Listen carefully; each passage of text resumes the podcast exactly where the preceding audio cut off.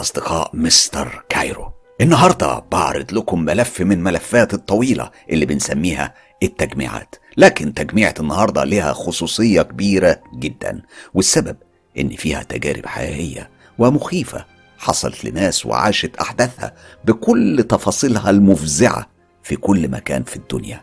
والموضوع الرئيسي هو المراية. أيوة المراية. فعلا المراية ممكن بتسبب الفزع لكتير من الناس. في أساطير كتير اتحكت على المراية لكن في التجميع اللي جمعتها النهارده هي عبارة عن كل قصص الرعب اللي حكيتها وفيها المراية. من خلال تجارب مروا بيها ناس في المنطقة العربية وفي كل مكان في العالم. الحقيقة هيكون ملف طويل بعتبره أطول ملف وأرعب ملف عن المرايا على اليوتيوب. تعالوا نبداوا مع بعض حالا بالتجربة المرعبة دي. ويلا إيه؟ يلا بينا. القصة الأولى. الحكاية دي حصلت لي وعشتها بكل تفاصيلها ولحد النهاردة لسه ذكرياتها بتطاردني ومش فاهماها. أنا بالرغم من مرور سنين طويلة جدا عليها لكنها لسه بتسبب لي نوبات ذعر وأرق ورعب وخوف. مش بينتهي. حياتي أصبحت عبارة عن كابوس. بنت عمي مريم كان عندها فوبيا من المرايات. ودايما لما كانت تيجي تزورنا وتبيت عندنا كانت بتطلب مني إني أغطي كل المرايات اللي في الحمام واللي في الأوضة اللي بتقعد فيها. الخوف اللي عندها كان من النوع المرضي لدرجة إنها لو حبت تدخل الحمام كانت بتطلب مني أروح معاها وبتغمض عينيها علشان ما تبصش في المراية أو تشوفها. طبعا لما كانت طفلة صغيرة كان الموضوع ده سهل. كان سهل إن الناس تتقبله كل الناس كانت بتعتقد إن ده شيء مرتبط بطفلة فشيء عادي. لكن الغريبة إنها كانت كل ما بتكبر في السن الموضوع كان بيزيد معاها قوي. كان واضح إنها بتعاني من مرض نفسي اسمه إبستروفوبيا واللي من أعراضه إن الشخص المصاب بيه بيخاف من المراية وبيتجنبها وبتسبب له الأرق والقلق والتوتر الشديد وده اللي كان بيحصل لمريم. كانت بمجرد ما تكون قريبة من مراية بتتوتر جدا وبشكل غريب ولو ما قدرتش تتحرك كانت بتدخل في نوبة هستيريا. أنا ما كنتش عارفة إيه السبب إنها بتخاف قوي كده بس الشيء اللي كان بيرعبني بجد هو نظرة عينيها لما بتشوف مراية. عينيها بتكون مش طبيعية مخيفة ومرعبة بتجمد الدم في العروق. أنا فاكرة كويس وبالتفصيل اللي حصل لما كان عندي 14 سنة. أنا ومريم كنا بنروح نفس المدرسة وفي اليوم المشؤوم ده روحنا سوا للبيت عندي. أسرتي دايما بتكون عاملة ومحضرة نظام مخصوص على سبيل الاحتياط علشان لو مريم جت تزورنا. كنا دايما مجهزين مفارش ومطبقينها جنب كل مراية بحيث نقدر نغطي كل المرايات على طول قبل ما مريم تدخل البيت. أنا دايما كنت بسبقها وبدخل البيت أغطي المرايات وبعدين أناديها تيجي علشان تدخل. وقتها أنا كنت لسه صغيرة وما استوعبتش قد إيه الموضوع ده بجد خطير ومخيف بالنسبة لمريم. وتصرفت زي أي طفلة هبلة. أنا فكرت إن الموضوع هيكون كوميدي وهنقضيه ضحك وتهريج. بس للأسف أنا كنت غبية ومش فاهمة حاجة. وتصرفي كله كان غلط وغلط جدا. بعد ما خلصنا المدرسة روحنا البيت عندنا. وأنا على طول عملت اللي بعمله كل مرة. دخلت البيت الأول وبدأت أغطي كل المرايات اللي في البيت. وهي استنت في ال living room لحد ما خلص. خطتي كانت إني أحبسها في أوضتي لوحدها وأشيل الغطا اللي على المراية اللي في الأوضة. وفعلا ده اللي أنا عملته. شلت الغطا من على المراية وخبيته. خبيته في مكان ما تعرفش توصل له. وقلت لنفسي يعني لو خافت قوي ممكن تبقى تغطي المراية بملاية السرير بتاعي أو حتى باللحاف هي أكيد هتعرف تتصرف. بعد ما جهزت المصيدة بتاعتي لمريم ناديتها. وقلت لها مريم مريم أنا غطيتهم كلهم يلا تعالي اطلعي. خلاص كله بقى أمان. بصي اسبقيني على الأوضة على ما أدخل الحمام. أنا سمعت صوتها من تحت وهي بتقول ماشي أنا طالعة.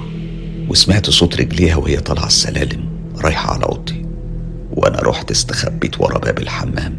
ثواني بعدها ومن ورا الباب شفتها وهي داخلة الأوضة عندي هنا. وبسرعة طلعت من الحمام وقمت قافلة باب أوضتي عليها ومتربساه بالمفتاح وأنا مسخسخ من الضحك. كنت سامعاها بتزعق جوه الأوضة. كان صوتها مخنوق بالعياط والدموع وهي بتترجاني أخرجها من الأوضة. وبعدها الزعيق انقلب لعياط وصريخ وبدأت تخبط على باب الأوضة وترزع جامد. صوت الصريخ والذعر اللي كان في نبرة صوتها خلاني اتجمدت في مكاني من الرعب. وهنا سمعتها بتقول خرجيني خرجيني. ما تخليهمش يوصلوا لي. أرجوكي خرجيني أرجوكي أرجوكي هياخدوني خرجيني بسرعة. أنا كنت في حالة صدمة رهيبة. أنا شفتها قبل كده لما اتخطط من مرايات لكن الوضع المرة دي كان مختلف كان مختلف تماما. فجأة سمعت صوت خبطة شديدة على الباب. نبهتني للي بيحصل حواليا وفهمت إن لعبتي المريضة وتهريجي السخيف طلع أخطر بكتير من اللي كنت متخيلاه. بسرعة فتحت باب الأوضة ودخلت.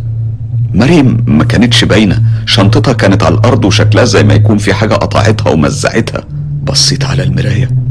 لقيت الانعكاس غريب وكأنه مضبب. أنا كنت شايفة خيالات غريبة بتتحرك فيها. الحركة كانت مش مفهومة. كأن كأن في ناس لسه بتتعلم المشي. بس أشكالهم كانت غريبة. واللحظة أنا متأكدة إني تخيلت بمريم وهي بتتسحب. اتنين من الخيالات أو الكيانات دي كانوا ساحبينها وبقها كان متغطي بإيد واحد من الكيانات الغريبة دي. أنا بدون تفكير جريت على المراية وحاولت أمد إيدي وأمسك مريم واسحبها بعيد عنهم. أنا كنت بصرخ وبعيط وأنا بخبط في المراية. الموضوع كان عامل زي ما أكون دخلت في نوبة هلوسة مش طبيعية. قعدت أحاول أدخل إيدي جوه المراية وأنا بصرخ باسمها لكن ما كانش في أمل. بعدها وفجأة المراية اتحولت للشكل الطبيعي وكل حاجة هدت خالص. أنا كنت واقفة قدام المراية في حالة ذهول كامل. أنا ما كنتش مصدقه اللي شفته لولا إني متأكدة إني شفته بعينيا الاتنين كنت قلت بتخيل. أنا ما كنتش فاهمة إيه اللي حصل ده. كنت متنحة لانعكاس صورتي في المراية. وقتها حسيت بحاجة بتتحرك ورايا. بصيت بسرعة وأنا في حالة يرثى لها من الخوف والرعب. لقيت مريم. واقفة ورايا. أنا جريت واترميت في حضنها وأنا بعيط. كنت مش مصدقة إنها هناك. مش مصدقة إنها واقفة قدامي بعد لحظات الهلع والذعر اللي عشتها دي. بس وأنا في حضنها حسيت بحاجة غريبة ومش طبيعية. مريم كانت باردة قوي. أنا رجعت لورا وبصيت لها بتأكد إنها بخير. لقيتها بتبتسم ابتسامة غريبة جدا. عينيها كانت متثبتة عليا وكانت مفتحة على الآخر. أنا عمري ما شفتها كده قبل كده في حياتي. معرفش كان فيها إيه. حسيتها متغيرة. دي مش مريم اللي أنا أعرفها وتربيت معاها. لقيتها بتقولي ما تقلقيش أنا بس الخضة وهرتني بس دلوقتي أنتي معايا. فأنا ما قعدتش خايفة. فقلت لها طيب وال... واللي أنا شفته ده كان إيه؟ ده أنا متأكدة إني شفتك جوه المراية. كان في خيالات ناس واخدينك. قعدت تضحك. وقالت لي لا خلاص ده بس أكيد من الصدمة والقلق والرعب اللي انت مريتي بيهم. خلوا خيالك يظهر لك حاجات ويوهمك بيها خصوصا وإني كنت ميتة من الخوف وبصرخ. فانت أكيد أعصابك اتوترت. ومع كل القصص اللي بتسمعي عني وعن حكاياتي مع المرايات أكيد مخك صنع لك قصة صغيرة وعيشك فيها. مريم كملت كلامها وقالت هنفضل واقفين هنا كتير؟ وقتها وشها كان خالي من التعبيرات خالص. أنا بصيت لها وكل قلق وقلت لها انت متأكدة إنك كويسة؟ ده انت من شوية كنت بتصرخي وكنت هتتجنني من الرعب. ببص لقيتها مشيت وسابتني وهي معدية جنبي. أنا كنت بحاول أتجنبها وفي نفس الوقت كنت بحاول أتجنب المراية. وهنا سمعت صوت ماما وبابا. هي نزلت سلمت عليهم بكل مرح ولا كأن في حاجة. وقتها أنا قلت لنفسي انقلب السحر على الساحر. أنا شكلي اتجننت ولا إيه؟ بقى أجي عم فيها مقلب يتعمل فيا أنا. وبرضه كنت لسه مش قادر استوعب اللي حصل من شوية. أنا عارفة كويس أنا شفت إيه وعشت إيه. حتى أهلي كانوا مستغربين من مريم لأنها في العادة خجولة ومنطوية لكن الطريقة اللي حياتهم بيها كانت مبهجة على غير العادة. أنا بصراحة ما رضيتش أجيب سيرة ليهم على اللي حصل. المهم باقي اليوم أنا كنت اقتنعت إن مفيش حاجة وإن اللي حصل ده كان كله هلاوس. اتغدينا سوا بس برضه من وقت للتاني. كنت لسه ببص لها من تحت لتحت وبفكر إن في حاجة غريبة فيها حاجة مش عارفة إيه إيه اللي حصل؟ مش قادر أحددها. لحد ما وصلنا لآخر اليوم وأهل مريم جم علشان ياخدوها تروح معاهم. مريم جرت على والدي ووالدتي وسلمت عليهم وباستهم وبعدين جت سلمت عليا لكنها ميلت عليا وهمست في وداني وقالت لي أنت اللي عليك الدور وسابتني وراحت ركبت العربية مع باباها ومامتها. أنا اتجمدت في مكاني. كنت عارفة إنها بتهزر بس كان هزار سخيف ما كنتش حباه أبدا. لما مشيوا أنا طلعت أوضتي وأول حاجة عملتها إني غطيت المراية قبل ما أدخل أنام. لكن ليلتها أنا معرفتش أنام طول الليل. الذكريات اللي حصل اليوم ده فضلت بتطاردني طول الليل. كنت بتقلب بحاول أنام لكن بدون أي فايدة خالص. كانت ليلة عصيبة جدا. تاني يوم الصبح وصلنا أصعب خبر سمعته في حياتي. مأساة بكل المقاييس. مريم وعيلتها كلهم ماتوا بلا استثناء. حصلت حريقة كبيرة في البيت. وكلهم ماتوا. كلهم ماتوا. القصة التانية. الواقعة دي حصلت لي وأنا في سن 15 سنة. وحصلت في البيت اللي كنت عايشة فيه وقتها مع والدي ووالدتي. في البداية خلوني أوضح إن البيت كان جنب منطقة غابات وكان في الغابات دي مقبرة مخصصة للمساجين اللي بيتوفوا في السجن ومحدش بيجي يستلم جثتهم. السجن ده كمان ما كانش بعيد عن هنا لكن في المجمل أنا عمري ما حصل لي أي مشاكل في البيت ده طول فترة إقامتنا فيه باستثناء حاجة واحدة بس.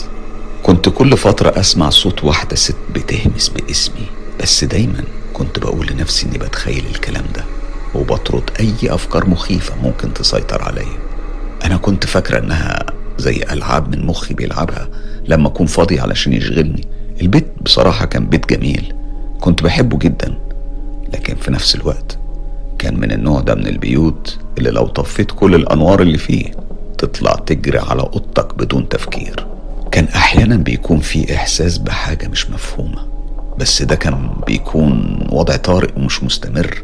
في الفترة دي من عمري كانت خالتي عايشة معانا في البيت وبالتحديد كانوا أهلي مخصصين لها أوضة تحت في البدروم تنام فيها. أنا كنت قريبة جدا من خالتي وكنت بحب أقضي معاها أطول فترات ممكنة. كنت بحس إنها وحيدة و... ولوحدها. وخصوصا وجودها في البدروم كان بيدي إحساس إنها منعزلة عننا وده كان بيخليها تصعب عليا قوي. أكتر الأوقات كنا بنقضيها نتفرج على أفلام ومسلسلات واللي حصل ده كان من فترة طويلة قوي وزي ما وضحت في البداية. فمش متأكدة إذا كان حصل بالنهار ولا المغربية. لأن الإضاءة كانت خافتة قوي في البدروم ووقتها كنت مريحة مع خالتي لكن لما فتحت عيني وببص ما لقيتش خالتي في السرير. بصيت في الأوضة حواليا لقيت واحدة ست واقفة قدام المراية. المراية كانت على الحيطة ومواجهة بزاوية للسرير وما كانتش قدامه بشكل مباشر. الست اللي كانت واقفة كانت بتسرح شعرها. شعرها كان طويل وأسود. أنا برضو خالتي شعرها أسود وطويل. وده اللي خلاني أفكر إن الست دي تبقى خالتي. بس أنا وتقريبا فورا عرفت إن في حاجة مش سليمة. لأن خامة شعر الست دي كانت مختلفة تماما عن خامة شعر خالتي. هو كان إحساس إن في حاجة مش طبيعية. الشكل ده كان عامل زي الخيال أو الظل مش بشر قاعد لا خيال أو ظل حاجة غريبة عنها حاجة مش طبيعية فيها. أنا قلت لنفسي يجوز عشان الإضاءة خافتة مش أكتر. لكني في الوقت ده كنت بصيت على انعكاسها في المراية وده هو اللي رعبني بجد. أنا مش عارف أشرحها إزاي لكن الست ما كانش في انعكاس لوشها في المراية. يعني ملهاش وش. كان زي ما يكون ممسوح أو مكانه فاضي. هنا خبيت راسي تحت اللحاف كنت عشمان أني أكون بحلم وإني لما أطلع من تحت اللحاف هصحى وكل حاجة هترجع تمام وهلاقي خالتي جنبي. وعلشان أطمن نفسي قعدت أصرخ وأنادي على خالتي. وفعلا خالتي جت جارية على صوتي.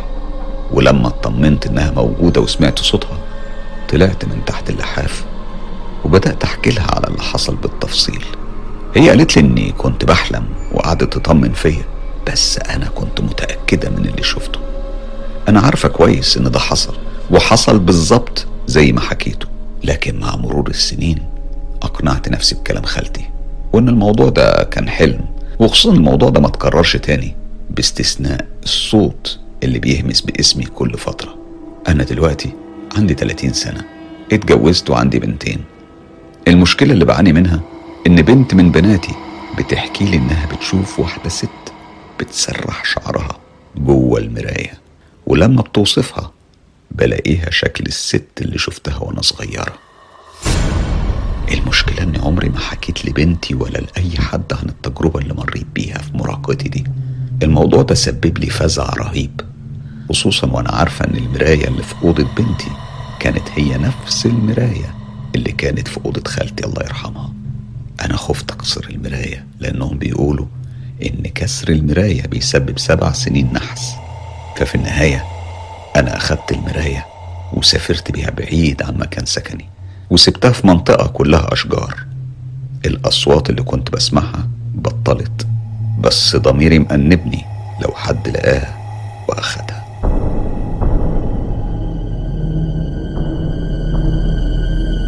القصة التالتة أنا بعشق القراية جدا والاطلاع والبحث. أصحابي بيسموني دودة كتاب من كتر ما بحب القراية لكن مؤخرا كنت بدأت أقرأ كتير في علوم وراء الطبيعة وأسرار العالم الموازي أو السفلي. الحقيقة أني قطعت شوط كبير في المجال ده وأصبح بيسحرني مجرد التفكير فيه. كان كل شغف أعرف وأتعلم وكمان مع وجود الإنترنت الموضوع بقى أسهل كتير بالنسبة لي. لأن مصادر المعرفة كانت كتيرة وفتحت قدامي مجالات ما كنتش أتخيل إني ممكن أوصل لها. المهم الواقعة اللي هحكي عنها بكل تفاصيلها حصلت لي من حوالي شهرين. كنت وأنا بدور في علوم العالم الموازي في مواقع ال deep web أو زي ما هو مشهور باسم ال dark web أو مواقع الإنترنت السرية. دي بتكون مواقع الدخول ليها مش متاح بسهولة للعوام من الناس لا. دي لازم لها خبرات وشفرات. وهناك ممكن تعمل أي حاجة غير قانونية ممكن تخطر على بالك أو حتى ما تخطرش على بالك. هناك مثلا في مواقع للتجارة بالبشر مواقع لشراء المخدرات ومواقع تانية للرقيق الأبيض ومواقع لشراء الأسلحة وغيرها. كان في حاجات كتير بس أنا كل ده ما كانش يعنيني بالمرة. أنا كنت بدور على حاجة تانية خالص. أنا كل اهتماماتي كانت بالسحر الأسود والأماكن المسكونة والأشياء الملبوسة وده كان سر دخولي الدارك ويب. ولما بدأت رحلتي كنت حريص جدا ومجهز وسيلة دفع من النوع اللي بيستخدم مرة واحدة بحيث أنفذ المعاملة وأهرب بعدها على طول. المهم بعد تلات أيام من البحث وصلت للي كان نفسي فيه مراية مسكونة كلفتني حوالي 300 جنيه استرليني. أنا اديتهم عنوان صندوق بريدي علشان ما تجيش على البيت فيعرفوا عنواني. وبالفعل وصلني إشعار من هيئة البريد إن ليا طرد في مكتب البريد. ورحت استلمه. كانت المراية اللي كنت بحلم بيها ليل ونهار. وبعد ما استلمتها حطيتها في العربية النص نقل بتاعتي ورجعت بيها على البيت. أول ما وصلت دخلتها بسرعة. وبعدها بدأت أطلعها من الصندوق اللي كانت فيه. وأنا بطلعها لاحظت حاجة غريبة وقتها. قلت لنفسي ده أنا من كتر ما أنا متأثر بالقصص اللي قريتها عن المرايات حسيت باللي أنا بحسه ده. كان إحساس بالبرودة الشديدة في المكان وبالتحديد في المجال اللي موجودة فيه المراية. المهم بعد ما طلعتها حطيتها في الركنة اللي أنا كنت مجهزها لها في الأوضة وقعدت متنح ببص لها. كانت مراية قديمة وباين من البرواز بتاعها اللي كان عليها أشكال ورسومات كأنها طلاسم. أنا وقتها كنت فرحان جدا بالمراية بس ما كنتش عارف إن دي كانت هتبقى أكبر غلطة عملتها في حياتي كلها. المراية كانت مش مراية عادية لا دي كان الإزاز بتاعها واخد صبغة لونها أسود متفيمة. الفكرة كلها إنها بتستدعي الأرواح والكيانات الهايمة أو الشريرة علشان تدخل فيها. وبمجرد ما يتم استدعاء ودخول الروح الشريرة فيها بتتحول المراية لوسيلة تواصل رهيبة مع العالم السفلي. ده طبعا حسب اللي قريته عن النوع ده من المرايات. ومن الحالات اللي قريت عنها إن أحيانا الكيان السفلي بيتحبس جوه المراية. وده كان الوصف اللي كان مكتوب في الإعلان عن المراية دي. إنه محبوس جواها كيان سفلي. وده كان السر إني قررت أشتريها مهما كلفتني.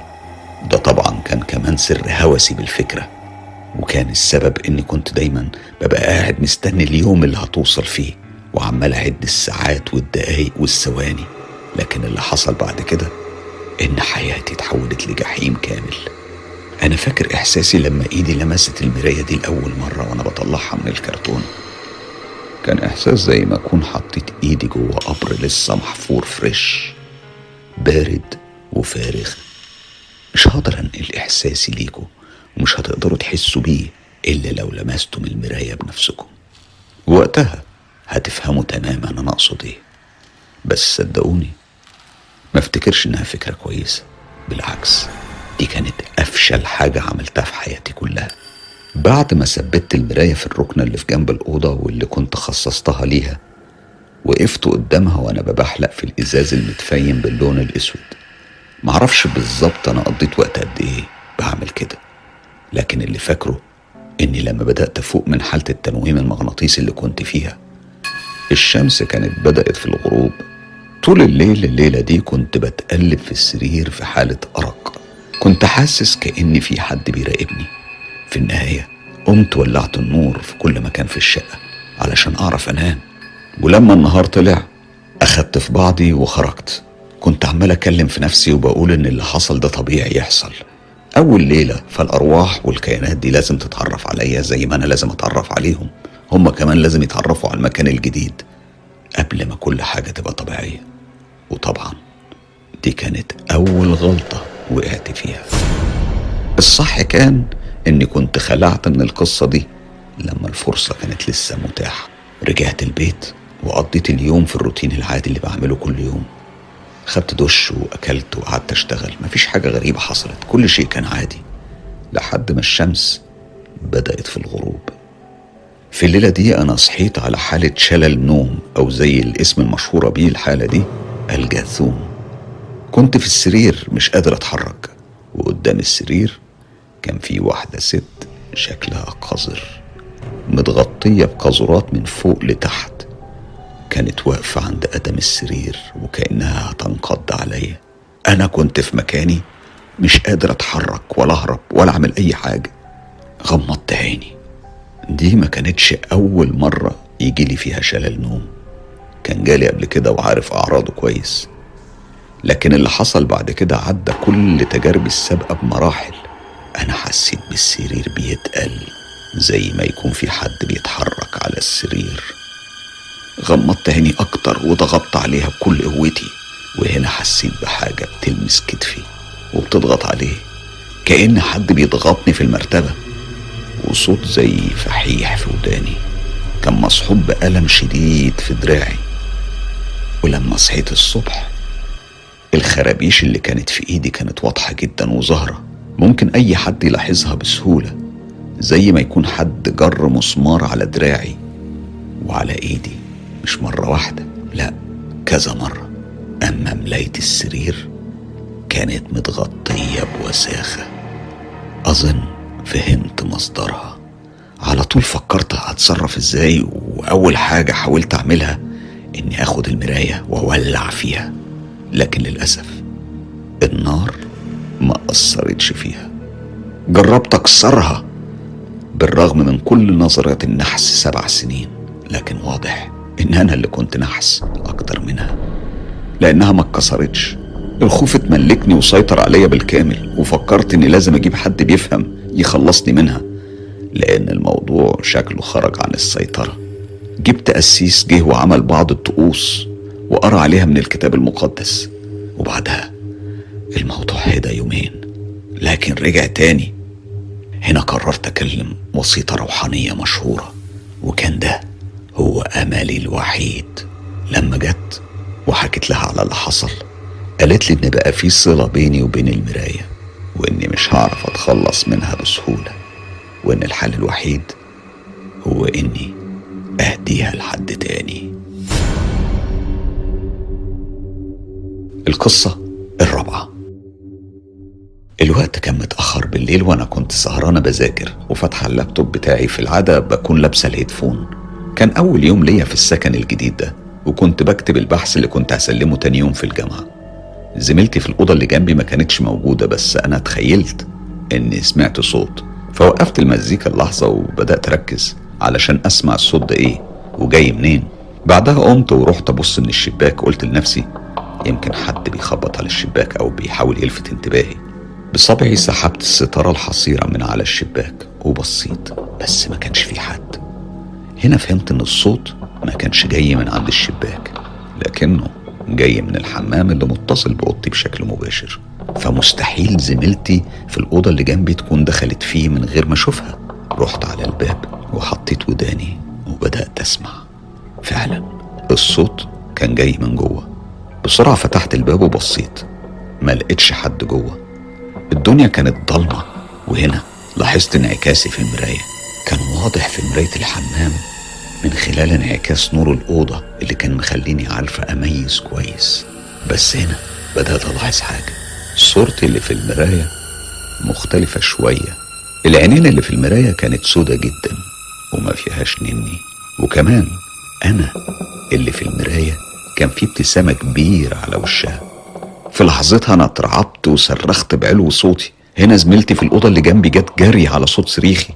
نورت النور وساعتها خيالي في المراية رجع طبيعي. زميلتي قعدت تهدي فيا وحاولت أشرح لها اللي حصل بس بيتهيألي إنها ما صدقتنيش. وبصراحة ما أقدرش ألومها. أنا نفسي مش متأكدة من اللي شفته وهل كان حقيقي ولا ده خيالي بيلعبني. بعدها قلت لنفسي لازم أدخل أنام وأنسى الموضوع ده. وفعلا دخلت أنام. بس طول الوقت وأنا في السرير عينيا كانت مش بتفارق باب الحمام. تاني يوم زميلتي قعدت تهرج وتتريق عليا. بصراحة ده خفف من قلقي كتير وقعدت أهرج معاها أنا كمان. وقلت لنفسي إن اللي حصل ده كله كان نتيجة الإرهاق وإن كل ده هلوسة. بعد الفطار قضيت وقتي بجهز بقية البحث علشان أنزل أروح أسلمه. وبعد ما خلصت قلت خلاص هاخد شاور سريع وأنزل بعدها. في الأول أنا فكرت اني أقول لزميلتي ممكن آجي آخد شاور عندك بس بسرعة رفضت الفكرة وقلت هتقول عليا جبانة. وزعقت لنفسي كمان وقلت لنفسي كباري بقى إيه الجبن ده؟ كل دي أوهام في دماغك. أنا صحيح كنت خايفة وأنا داخلة الحمام لكن في النهاية دخلت. فتحت مية الدش وأنا تحت المية متأكدة إني سمعت صوت حد بيضحك. كنت عارفة إنها مش زميلتي في الأوضة اللي جنبي لأن الصوت كان جاي من ورا الستارة مباشرة. أنا بسرعة خلصت ولفيت فوطة حواليا وخرجت. ولحسن الحظ ما لقيتش حد. بس هنا عينيا اتسمرت على مراية الحمام مكان بخار المية اللي اتكون عليها. كان في جملة مكتوبة بوضوح بتقول أنا هنا. أنا في لحظتها قلت زميلتي أكيد بتعمل فيا مقلب لأنها عارفة بقصة امبارح وبتحاول تخوفني. قمت مسحة الكلام اللي على المراية بإيديا وأنا في نفس الوقت بحاول أهدي نفسي. لكن الغريبة إن الكلام كل ما كنت بمسحه كنت بلاقيه بيرجع تاني لوحده. أنا ما كنتش فاهمة فيه إيه وإزاي ده بيحصل. طلعت جري من الحمام وناديت على زميلتي. لما جت معايا عشان تبص على مراية الحمام ما كانش فيه أي حاجة. كل حاجة كانت طبيعية. أنا ما استحملتش أكمل في السكن ده ليلة واحدة. وقدمت طلب نقل المكان تاني.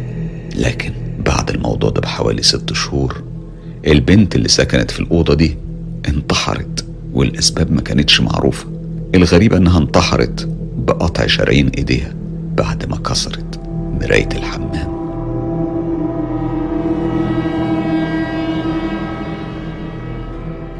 القصة الخامسة. بعد وفاة جدتي إحنا ورثنا منها كل ثروتها وبيتها وكمان كل الأساس اللي كان في البيت وكان من نصيبي دولاب قديم قوي بيتهيألي بيرجع لبدايات القرن التسعة عشر الدولاب ده حسب ما فهمت كان هدية جواز جدتي من سنين طبعا طويلة جدا عشرات وعشرات السنين. أنا أخدت الدولاب وحطيته في أوضة من الأوض اللي كنت مخصصها علشان لما يتولد ابني. إحنا كنا لسه ناقلين البيت وما كناش لسه فرشناه. فالدولاب كان إضافة قيمة ومهمة. بعد أسابيع كان ابني اتولد وبعده لما بدأ ينام لوحده كنا بنسيبه في الأوضة اللي فيها الدولاب. هنا بدأت مراتي تلاحظ الحاجات الغريبة اللي بتحصل. فبتقول كذا مرة أدخل أغير للولد أو أنيمه.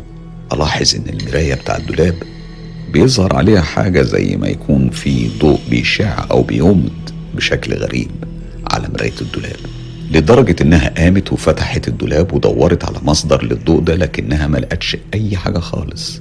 في النهاية صرفت نظر عن التفكير في الموضوع ونسيته لكن بعدها بأسابيع دخلت الأوضة بتنظفها بالمكنسة الكهرباء وبعدها بتلمع المراية. وهنا لاحظت إن المراية بتعمل نفس الحركة الغريبة بتلمع وبتضوي بحاجة زي الضوء.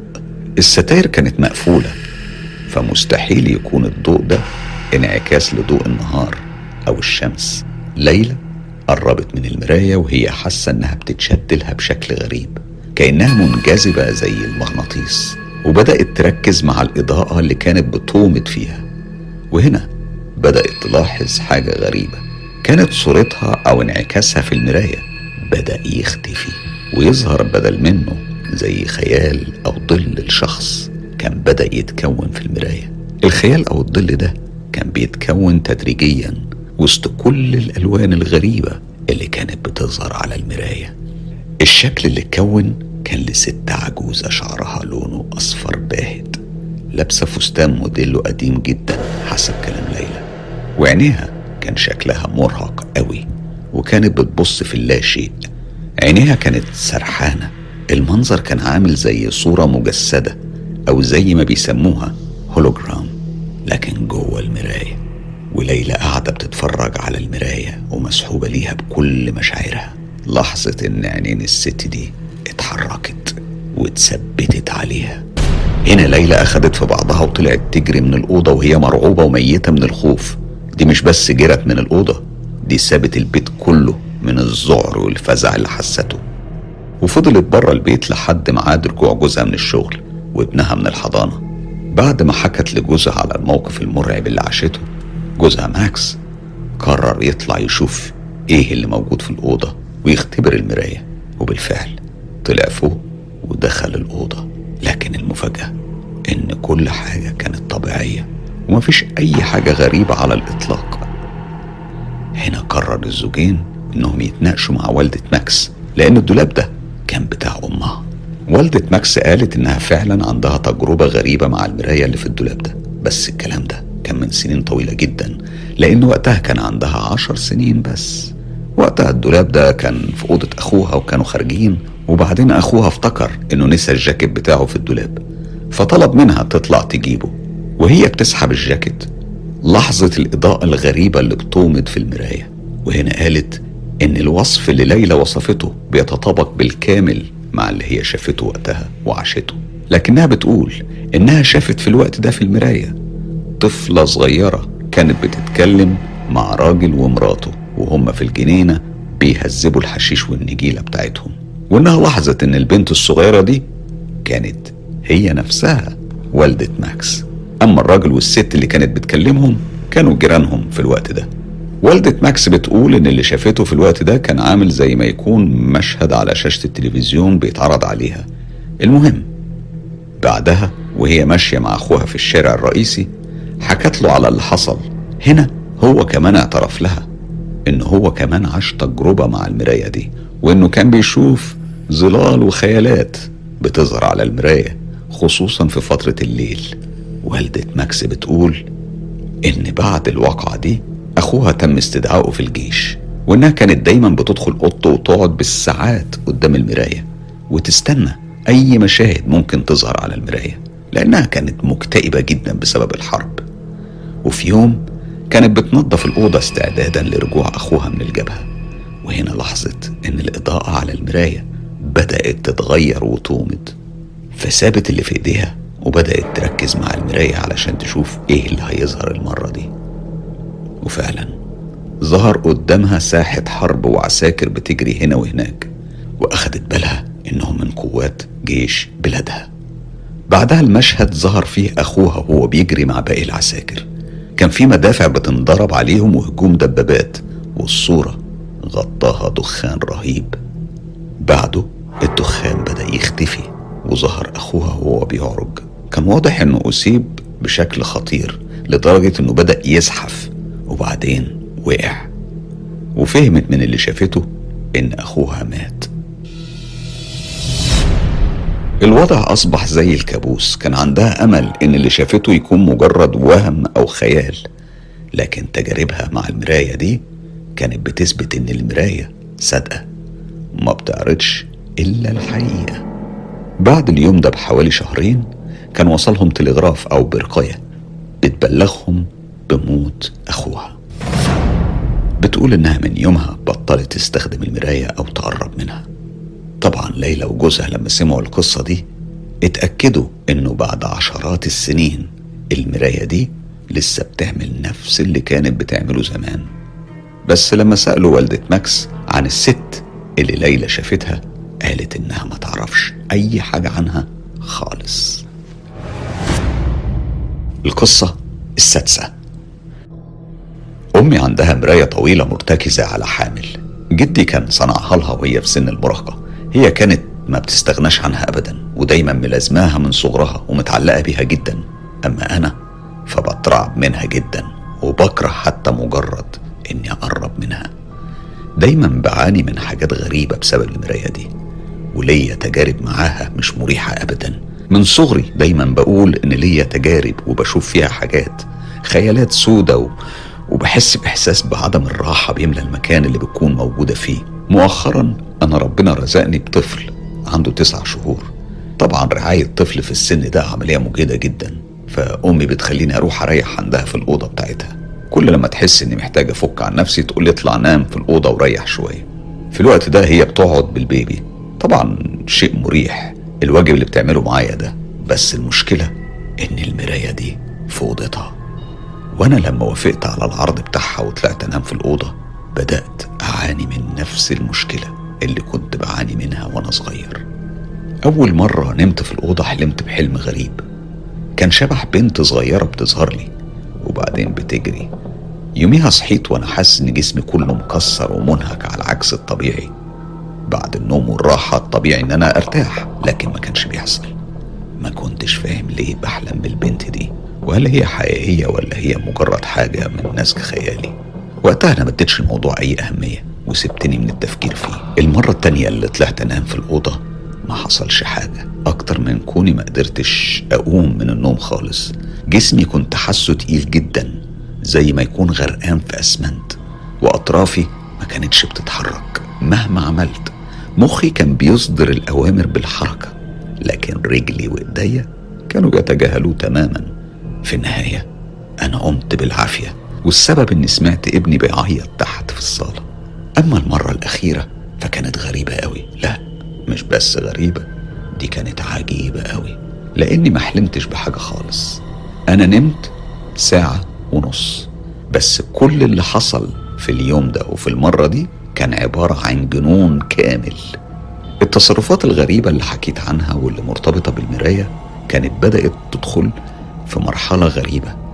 اليوم ده أنا أخدت ابني وحطيته في سريره علشان يريح. المشكلة إن سريره كان محطوط قدام المراية على طول ولما حطيته فيه وقمت علشان أمشي سمعت همس. بس ما كنتش عارف أحدد معنى الكلمات أو الكلام اللي بيتقال. قلت لنفسي أكيد خيالي ونزلت تحت ومددت على الكنبة في الصالة. هنا بدأت أسمع همس مرة تانية. بصراحة حاولت أتجاهل الهمس ده. لأني ما حسيتش بأي تهديد بأي شكل من الأشكال. وفضلت ألعب على تليفوني. بعد فترة بدأت أسمع خطوات حد بيمشي فوق في الأوضة. طبعا قلت لنفسي ابني مستحيل مستحيل يمشي. ده عنده تسع شهور وكمان كان محبوس جوه سريره اللي متقفل من كل الجوانب. هنا الأدرينالين بدأ يضرب في عروقي وبدأت أقلق وأتهز من التوتر. كنت بفكر الخطوة الجاية هتصرف إزاي وهعمل إيه. وهنا لاحظت إن في لعبة من ألعاب ابني بتنور. هي اللعبة عبارة عن ديناصور في راسه فيه زرار كبير. لما بيتضغط عليه بينور في العادة وبيقعد ينور ويعمل صوت لفترة. لكن ابني كان في سريره نايم بقاله فترة كمان. طب إزاي يعني؟ الصوت فضل يتكرر كأن في حد عمال يضغط على الزرار مرات ومرات. الديناصور ده على فكرة لما بينضغط عليه بيقول جمل معينة لكن الغريبة إنه كان بيكرر جملة واحدة جملة واحدة بس وده خوفني جدا. حسيت إن في حاجة مش طبيعية بتحصل هنا فقررت أطلع أشيك على ابني وأبص في الأوضة وأحاول أفهم إيه اللي بيحصل. وبالفعل طلعت فوق وبصيت. كل شيء كان عادي بس الإحساس الغير مريح كان موجود. ومالي المكان. رحت وبصيت على ابني واطمنت إنه في سابع نومة. قمت ممدد على السرير وقلت أريح أنا كمان على ما يصحى. طلعت الموبايل وقعدت ألعب جيم. في الوقت ده اتخيلت بالهمس بيتكرر من تاني.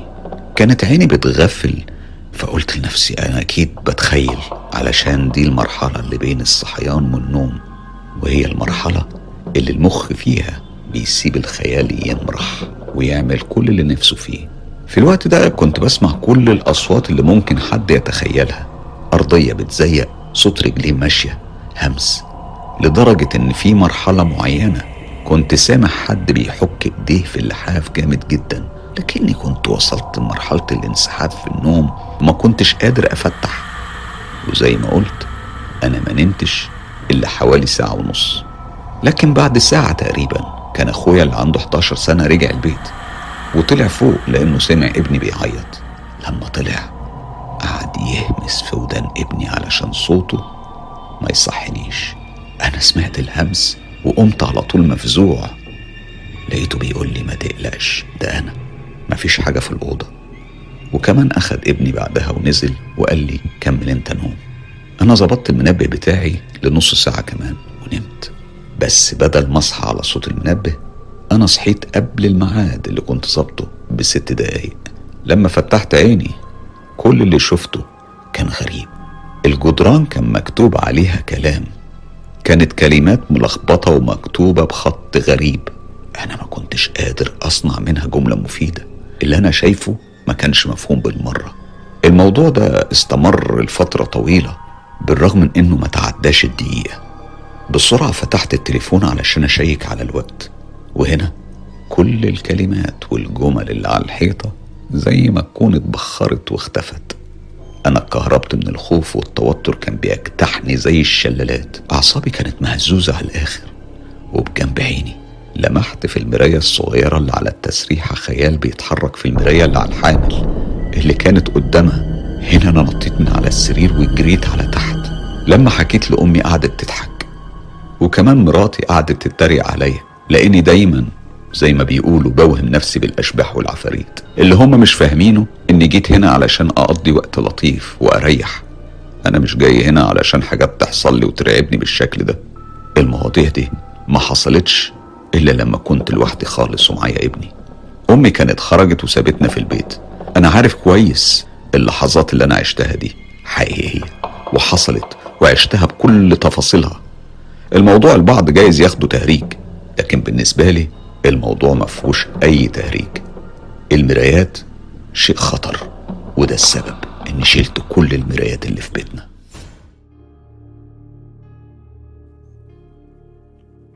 التجربة دي مر عليها سنين تحديدا خمس سنين السنة دي.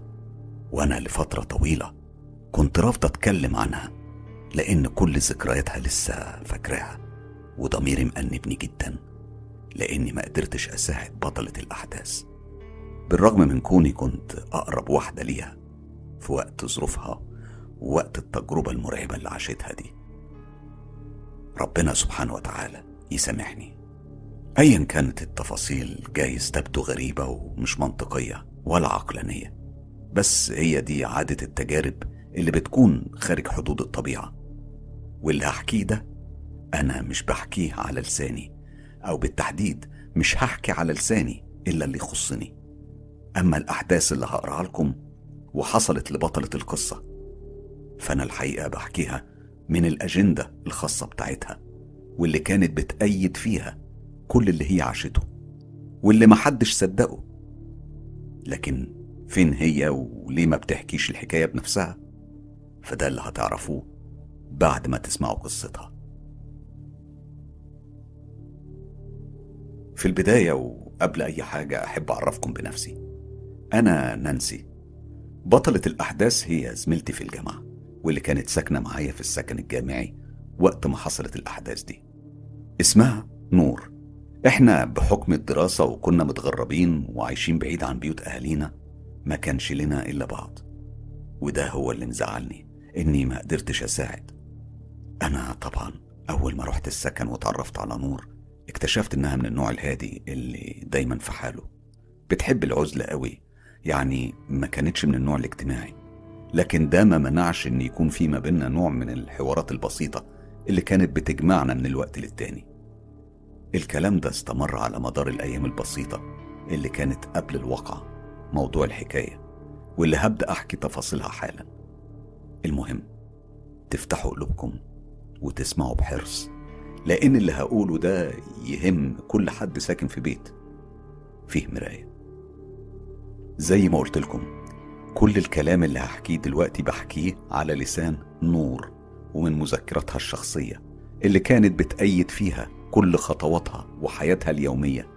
ومن خلالها هتعرفوا كل حاجة زي ما أنا وغيري عرفنا. نور بتقول النهاردة السبت. أنا عارفة إن محدش هيصدق كلمة من اللي أنا هقولها لأن أكيد كلهم سمعوا حد بيقول إن سكنه الجامعي مسكون وإنه بيشوف عفاريت وأشباح والكلام اللي من النوعية دي. لأن دي حالة كلاسيكية وبتتكرر في أي مدينة جامعية في العالم. لكن أنا بكتب الكلام ده علشان يمكن في يوم حد يصدقني وأقدر أوريه تفاصيل اللي بعيشه وبشوفه.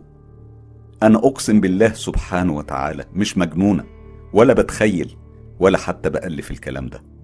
أنا نقلت هنا من حوالي شهر تقريبا علشان أبدأ السنة الدراسية الجديدة في تحضير الماجستير في كلية الطب. أهو أنا شخص متعلم وأظن واضح من الدرجة اللي أنا بشتغل عليها إني ذكية ومثقفة. يعني أنا مش عيلة صغيرة وبتخيل حاجات. من حظي إن السكن اللي كان من نصيبي كان فيه واحدة زميلة بتدرس الماجستير هي كمان في موضوع قريب من الموضوع بتاعي. زميلتي دي اسمها نانسي. السكن هنا مش كبير قوي يعني يا دوب واخدنا بالعافية.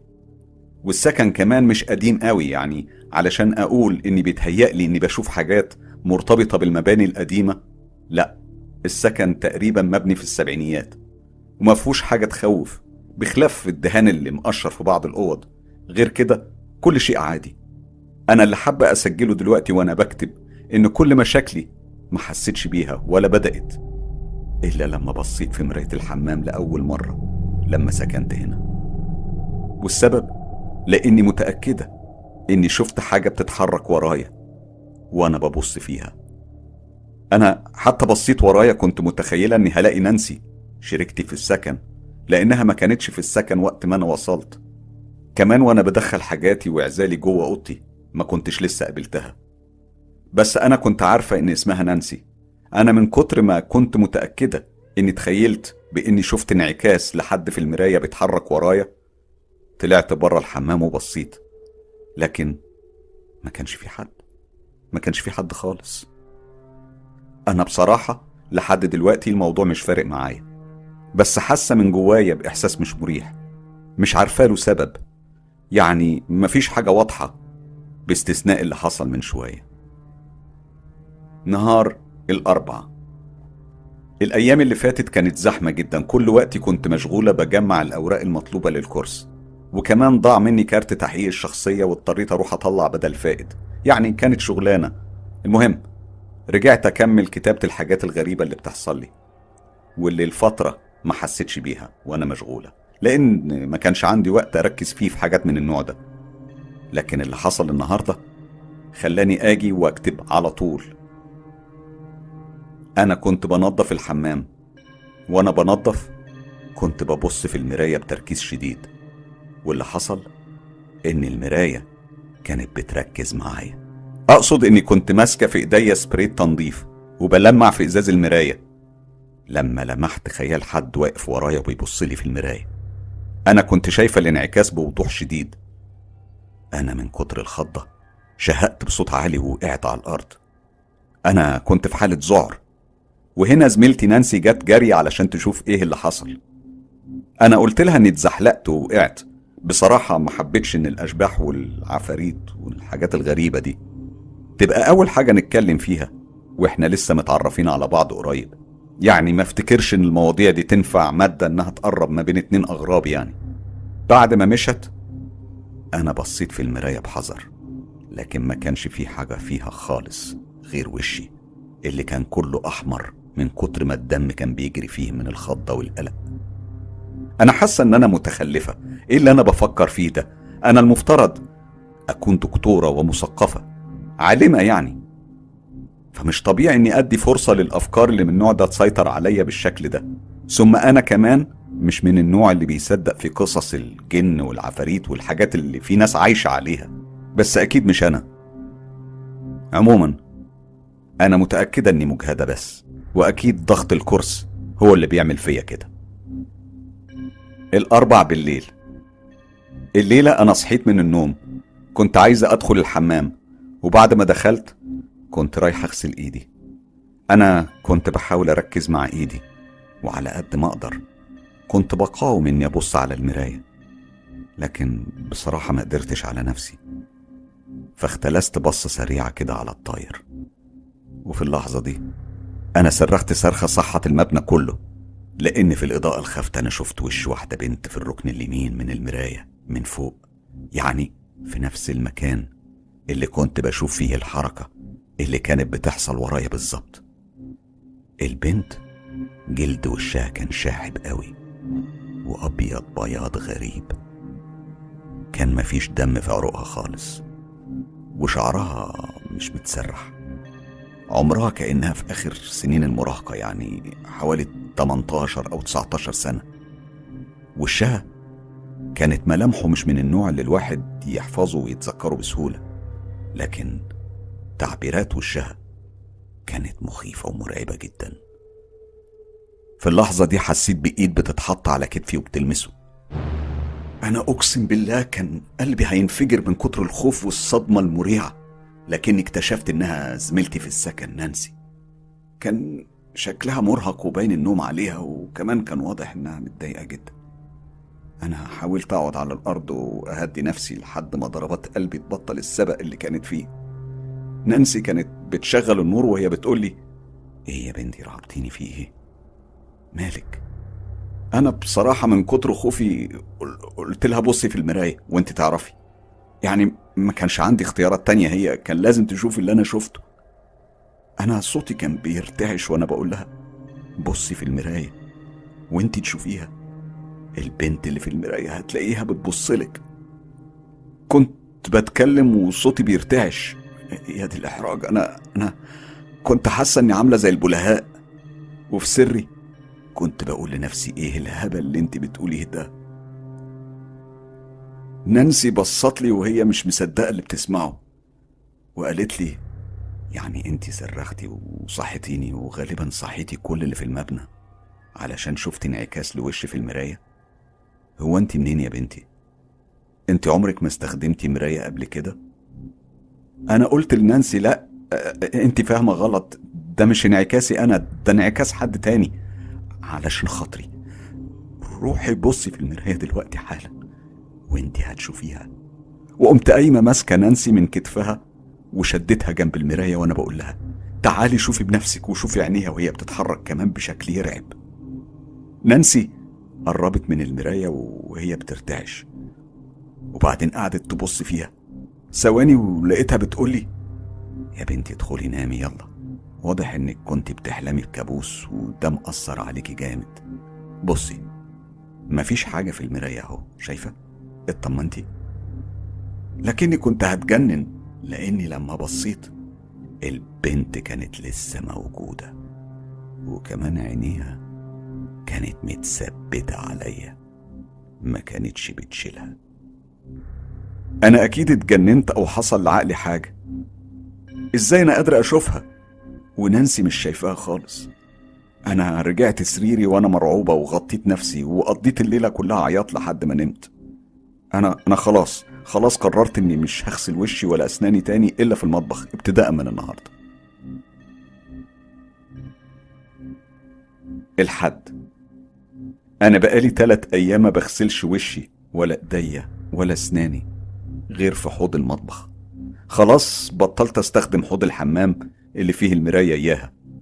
وكل مرة بدخل فيها الحمام بقيت بغمض عينيا لما أجي قعدت جنب المراية. أنا بحاول أتجنب الكلام مع نانسي على قد ما أقدر. وكمان قررت أحاول أبيت في المعمل اللي في الجامعة على قد ما أقدر كمان. لكن الفضول لسه بيقتلني. أنا بجد بشوف اللي بشوفه ده ولا ده خيال؟ التلات أنا النهاردة ما قدرتش على نفسي ومقاومتي انهارت تماما. الفضول خلاص خلص عليا. أنا قررت أروح أبص في المراية علشان أعرف إيه بالظبط اللي بيحصل. وهل أنا بتخيل الموضوع ده؟ لكن صدمتي كانت رهيبة لما لقيتها تاني. وعينيها السودة الغويطة والغريبة كانت بتبص لي بوضوح شديد. وكمان كانت بتطلع صوت زي الزن أو الطنين المستمر اللي ما بيقفش. أنا من كتر ما كنت مش مصدقة وكنت عايز أتأكد إن فعلا في واحدة بجد جوه المراية. لقيتني بقرب من المراية أكتر وأكتر لحد ما مناخيري خبطت في الإزاز بتاعها. دي كانت اللحظة اللي أنا فقت فيها لنفسي واترعبت لدرجة الذعر ورجعت لورا بسرعة ولزقت في الحيطة بتاع الحمام.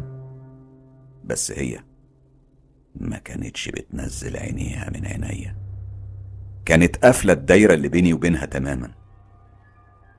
تعبيرات وشها كأنها كانت بتستغيث بيا وبتستنجد. والمرة دي وغصب عني لقيتني بقرب من المراية تاني.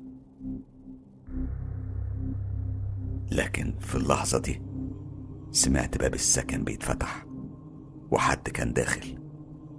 أنا اضطريت أمثل إني كنت بغسل إيدي. ما ما كنتش عايز أفتح الموضوع ده تاني مع نانسي إلا لما أتأكد إني هقدر أثبت لها إن في حاجة.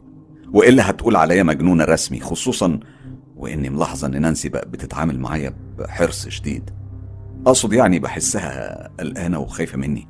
علشان كده أنا الفترة دي هحاول أظهر لها إن أنا عاقلة تماما ومش هجيب لها سيرة عفاريت ولا جن ولا المراية ولا الحاجات دي خالص. صحيح. وأنا بغسل إيدي ما قدرتش أقاوم. أبص كمان بصة. البنت كانت لسه موجودة. وصوت الطنين كان أعلى من أول مرة. الزنة دي كانت زي نغمة. بتفكرني بحاجة أنا مش عارفة إيه هي بالظبط. لكنها حاجة أنا عارفاها. أنا بس مش عارفة أحدد إيه هي. أنا من كتر الرعب جريت على أوضتي وحطيت كرسي ورا الباب من كتر الفزع اللي أنا كنت فيه. الأربع الصبح.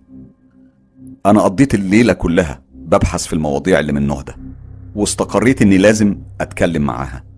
وده اللي أنا هعمله النهاردة. لكني قررت إني هعمله بالنهار علشان ما ترعبش. وكمان علشان ما يكونش فيه مؤثرات.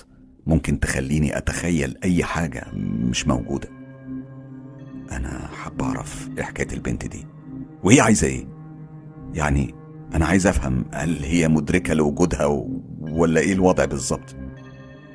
وبعد ما أعمل التجربة هاجي هنا وهكتب وهأيد كل حاجة حصلت. الأربع بعد الظهر. الأمور بتتطور بسرعة قوي.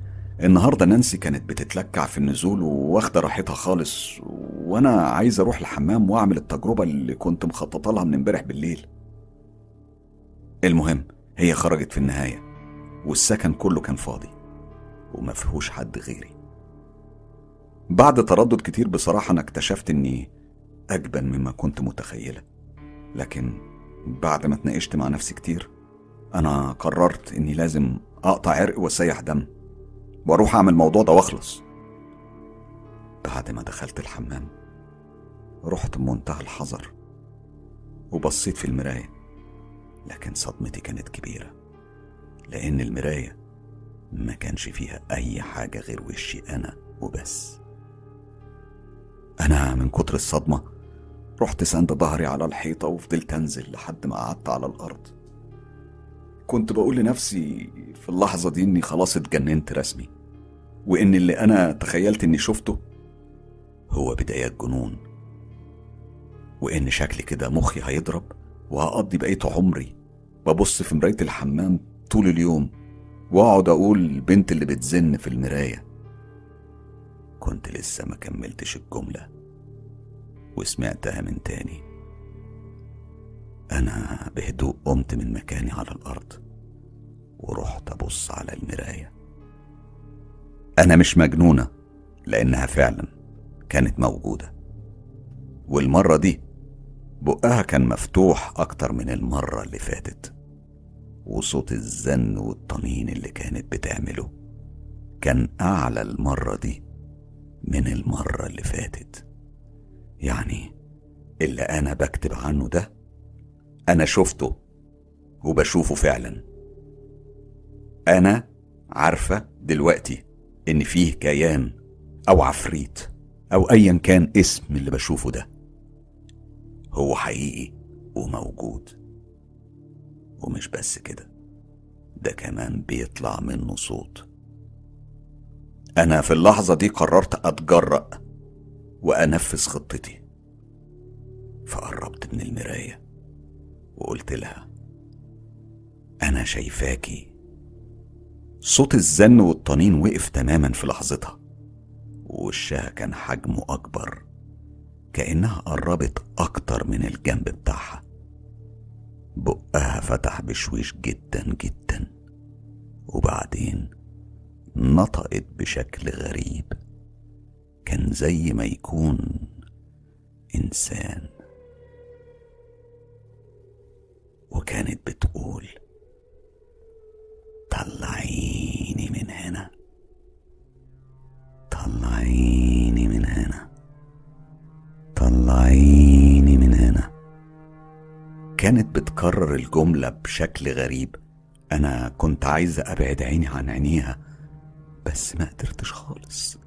عينيا زي ما تكون اتحبست في عينيها وعلشان أثبت لنفسي إن ده بيحصل سألتها بصوت واضح وقلت لها انت مين؟ بقها قفل خالص وبعدين فتح وقالت كلمة واحدة. انتي الرعب ضرب في جسمي زي موجات من شحنات كهرباء كانت بتضرب في كل عروقي وأعصابي بشكل هادر. هي ما كررتش كلامها تاني لكنها فضلت متنحالي أنا ما حسيتش بنفسي إلا أنا وبقول لها هو هو هو أنت ميتة؟ هي بصت لي بابتسامة كانت كلها سخرية وقالت لي هو أنت ميتة؟ أنا قلت لنفسي حلو قوي كده أنا بكلم مراية بتعكس كلامي لكنها كملت كلامها وقالت انت هتموتي قريب قوي. أنا فتحت بقي علشان أرد عليها لكن الكلام اتحبس في زوري تماما. أنا أنا هموت قريب قوي؟ الكلام ده أكيد جنون رسمي ومستحيل يكون بيحصل. أنا مش ممكن هسمح لنفسي أخاف من حاجة خيالي بيصورها لي. أنا كنت على وشك أصرخ في وشها. لكني لاحظت إنها اختفت من المراية تماما وما كانش ظاهر غير انعكاس وشي أنا وبس في المراية. بصراحة أنا مش عارفة أعمل إيه دلوقتي. الحد بالليل أنا بقيت بسمعها من أوضتي وهي بتزن بنفس الجملة وبتكررها بشكل سخيف. الجملة واحدة ما بتتغيرش. أنت ميتة. أنت ميتة. أنت ميتة. ولما كانت تبطل الجملة دي كانت تقعد تنادي باسمي وتكرره طول الوقت. نور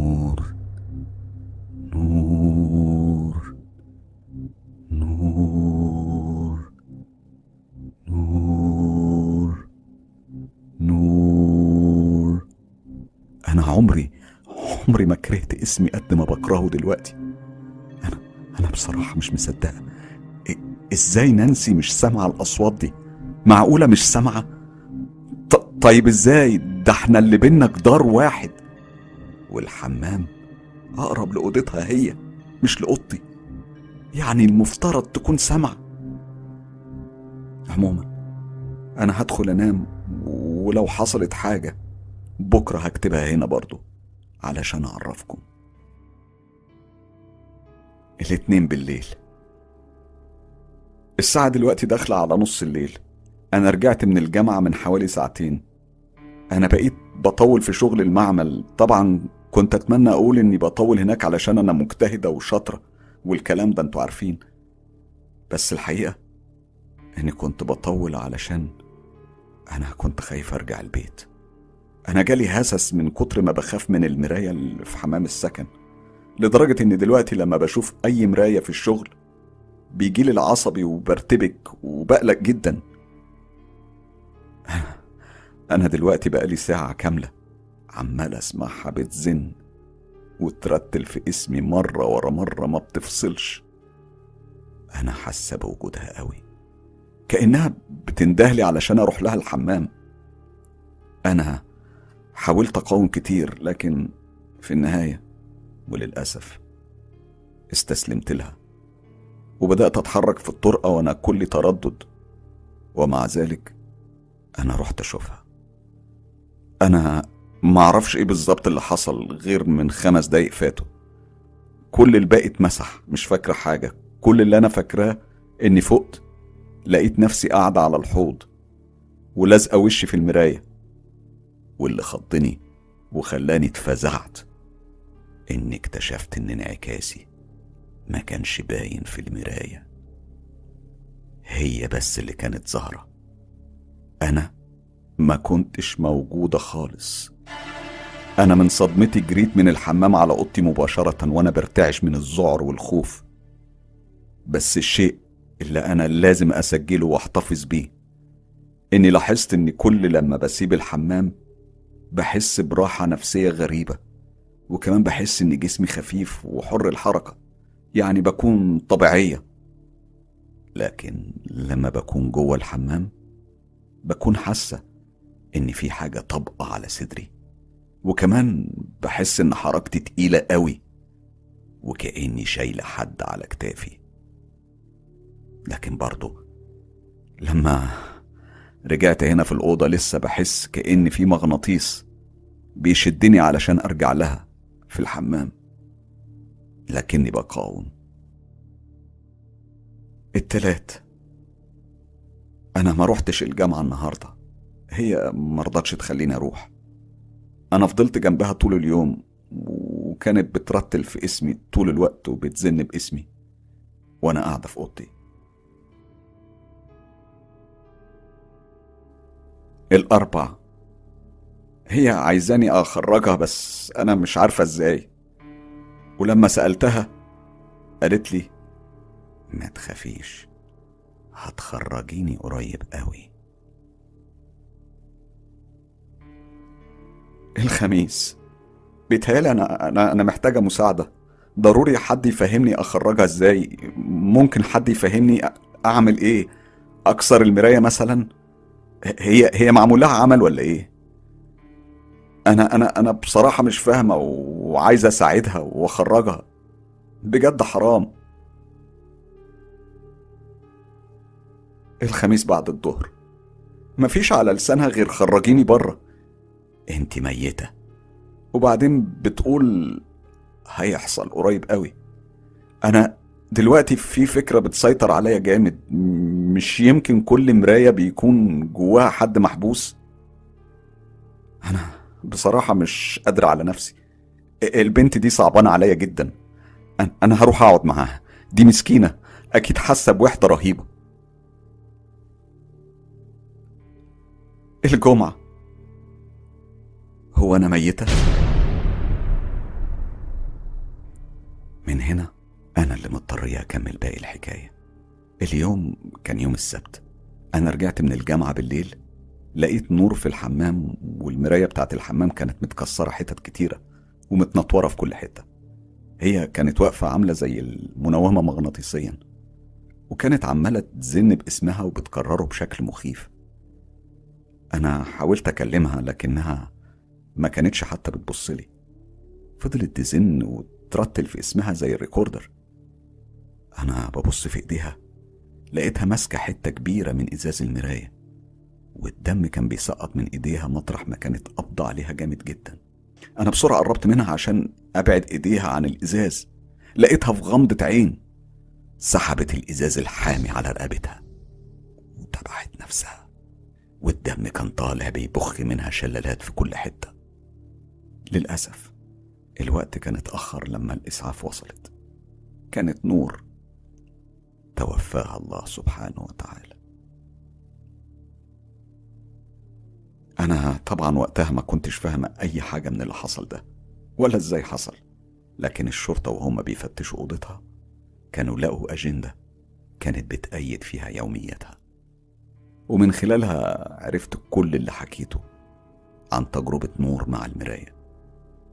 والدة نور لما جت تزورني بعد الواقعة دي بحوالي ثلاث شهور جابت لي الأجندة اللي نور كانت بتكتب فيها وسابتها معايا لأنها كانت حاسة إني متأثرة قوي وقالت لي إنها عارفة إني ماليش أي ذنب في اللي حصل وإني اتصرفت بشكل طبيعي ومنطقي لأن محدش كان ممكن أبدا يصدق الكلام اللي نور كاتباه ده أبدا. أنا ارتحت قوي لكلام مامتها بس المشكلة إن أنا مش عارفة ولا قادرة أسامح نفسي لحد النهاردة. وبالرغم من إن خمس سنين عدوا من وقتها ولحد النهاردة. أنا بس بحكي لكم علشان لو حد اشتكى في يوم من الأيام من حاجات غريبة بتحصل مع مراية ما تاخدوش كلامه على إنه هبل وكلام فاضي. دي تجربة أنا عشتها بنفسي وشفت نتيجتها الرهيبة. بجد خدوا المسائل دي بحرص واسمعوا أي حد بيشتكي. أرجوكم ما تتجاهلوش. الكلام ده.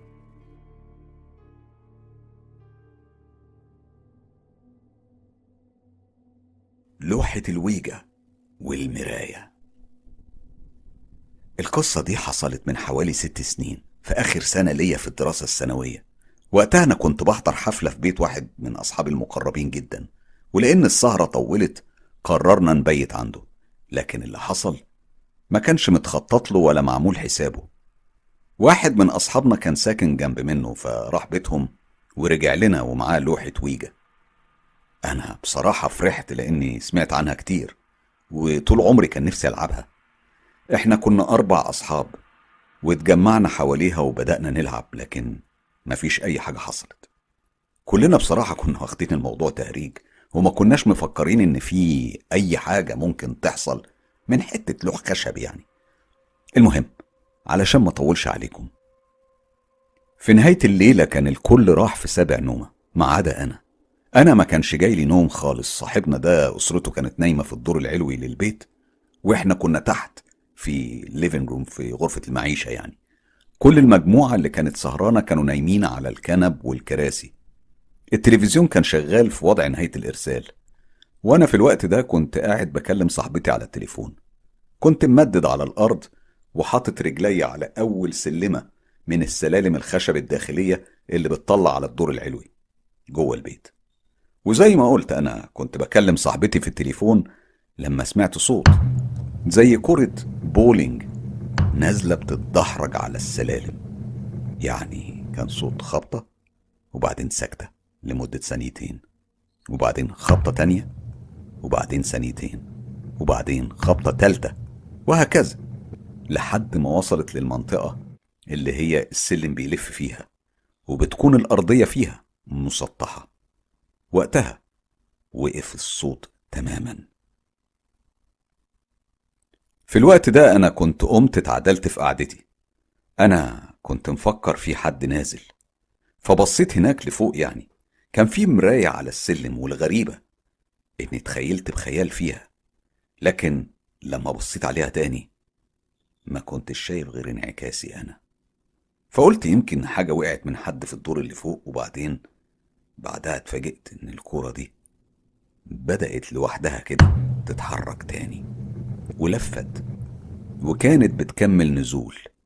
هنا أنا بدأت أقلق والخوف بدأ يداهمني خصوصا وأنا سامع صاحبتي بتقول لي إيه الصوت العالي اللي عندك ده؟ أنا لاحظت إن الكورة سرعتها اتضاعفت وكانت جاية في اتجاهي تماما. وصوت الخبط كان بيقرب مني وأنا تحت جنب أول السلالم وبعدها سمعت صوت فرقع علي كأنها خبطت في حاجات خشب مرصوصة وعملت الصوت العالي ده. ثواني الأنوار بتاعت البيت كانت كلها نورت الدور اللي فوق كمان نور وأسرة صاحبنا كلهم كانوا صحيوا. والده كان بيزعق وبيقول إيه ده؟ في إيه؟ إيه الدوشة دي؟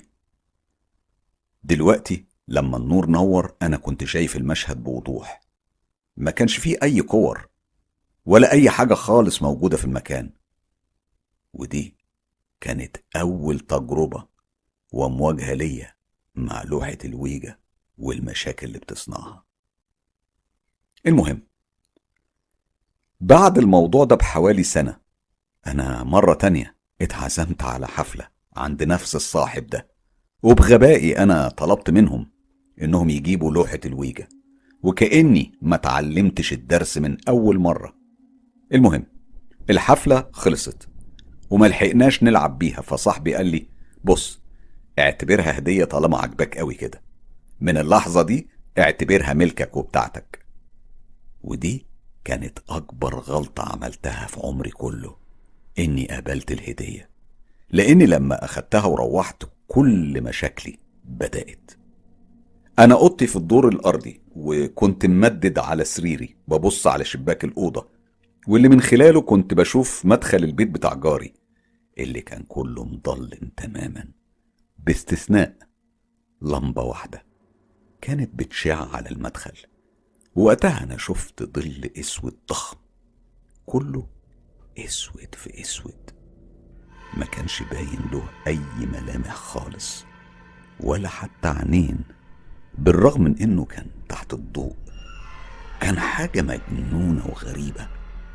وفجأة لقيته بيجري في اتجاهي بشكل رهيب وسريع. أنا قمت مفزوع من مكاني ووقتها قلت أكيد حلم أكيد كنت بحلم. لكن الأسابيع اللي بعد اليوم ده الموضوع اتطور للأسوأ بكتير لأن أنا ووالدي وأخويا قررنا نعمل جلسة تحضير أرواح وفيها جهزنا ال living room وحطينا الشموع والمرايات وكل المستلزمات اللي بتصنع الأجواء المناسبة للجلسة. لكننا ما عملناش أي حاجة بلوحة الويجا يوميها.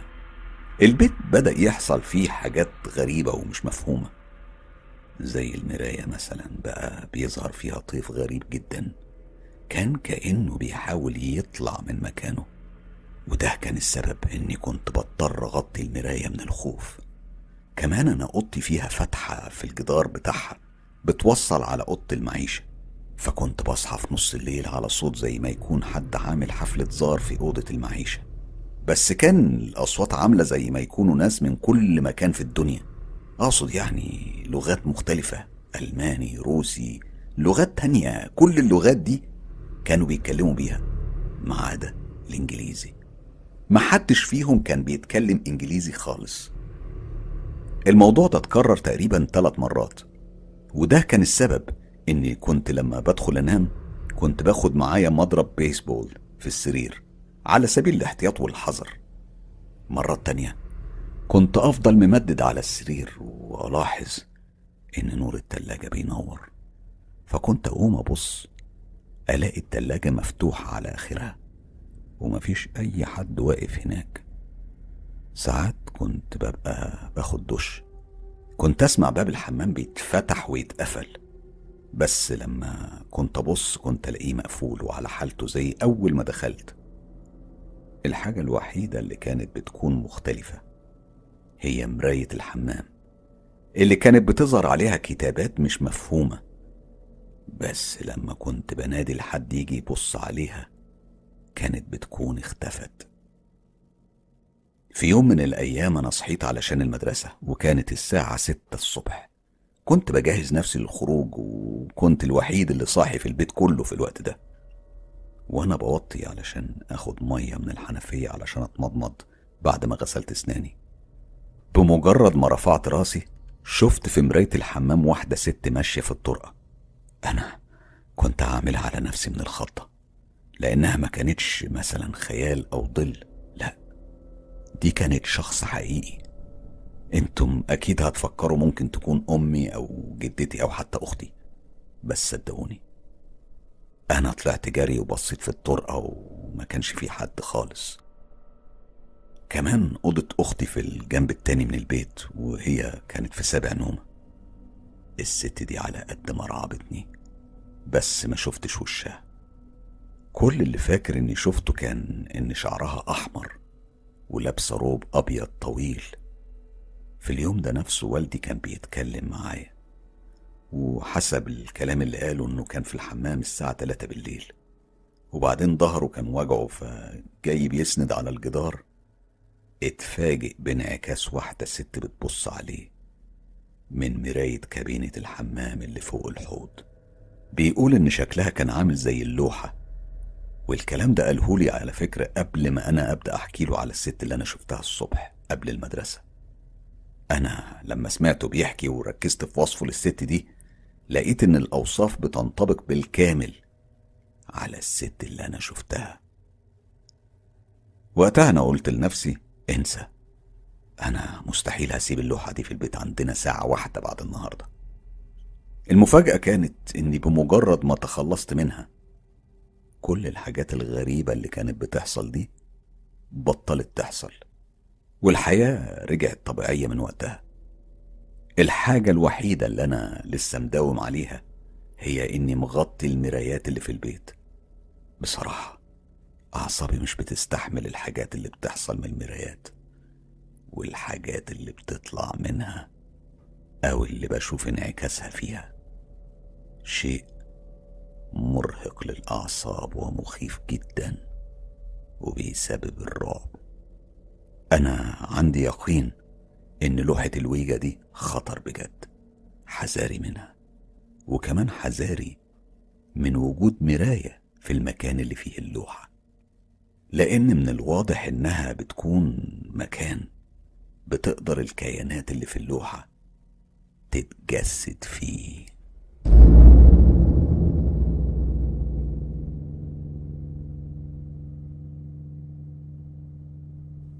في شهر أغسطس اللي فات إحنا طلعنا أجازة في مدينة قريبة من البحر. وقتها قضينا وقت ممتع بجد. بس الحاجة الوحيدة اللي كانت منغصة علينا الأجازة كانت الأوضة اللي كنا قاعدين فيها في الفندق. كانت أوضة كئيبة ومخيفة. كان فيها سريرين واحد كان قدام باب الأوضة على طول والتاني كان قصاد الحمام. الوقت كان بالليل متأخر قوي وأنا كنت لسه قايم من على اللابتوب بتاعي. آه، باقي المجموعة كانوا ناموا من بدري لأننا كنا مرتبين نصحى بدري تاني يوم. فأنا قلت لنفسي إني لازم أعمل زيهم وألحق أنام لي شوية. فاتحركت في الأوضة علشان أروح أطفي النور. لكن وأنا بتحرك معرفش ليه كان عندي إحساس جامد إن في حد بيراقبني. كان إحساس مش مفهوم فبصيت على الشبابيك والستاير. كل حاجة كانت مقفولة والكل كان في سابع نومة. فقلت لنفسي أكيد أنا ببالغ. اللمبة الخضراء بتاعت التكييف كان طالع منها إضاءة خافتة. كانت كفاية إني أقدر أشوف السرير اللي هنام عليه. وكمان كنت شايف الحمام من مكاني في الإضاءة الخافتة دي. فبصيت على باب الحمام بشوف إذا كان في حد بيتحرك جوه ولا إيه بالظبط اللي بيحصل.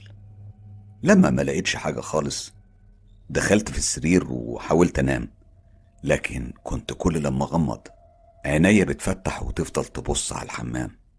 وهنا عينيا وقعت على مراية الحمام. وقتها شفت خيال أسود ظاهر انعكاسه على المراية. طبعا الانعكاس ده كان مستحيل يكون أنا.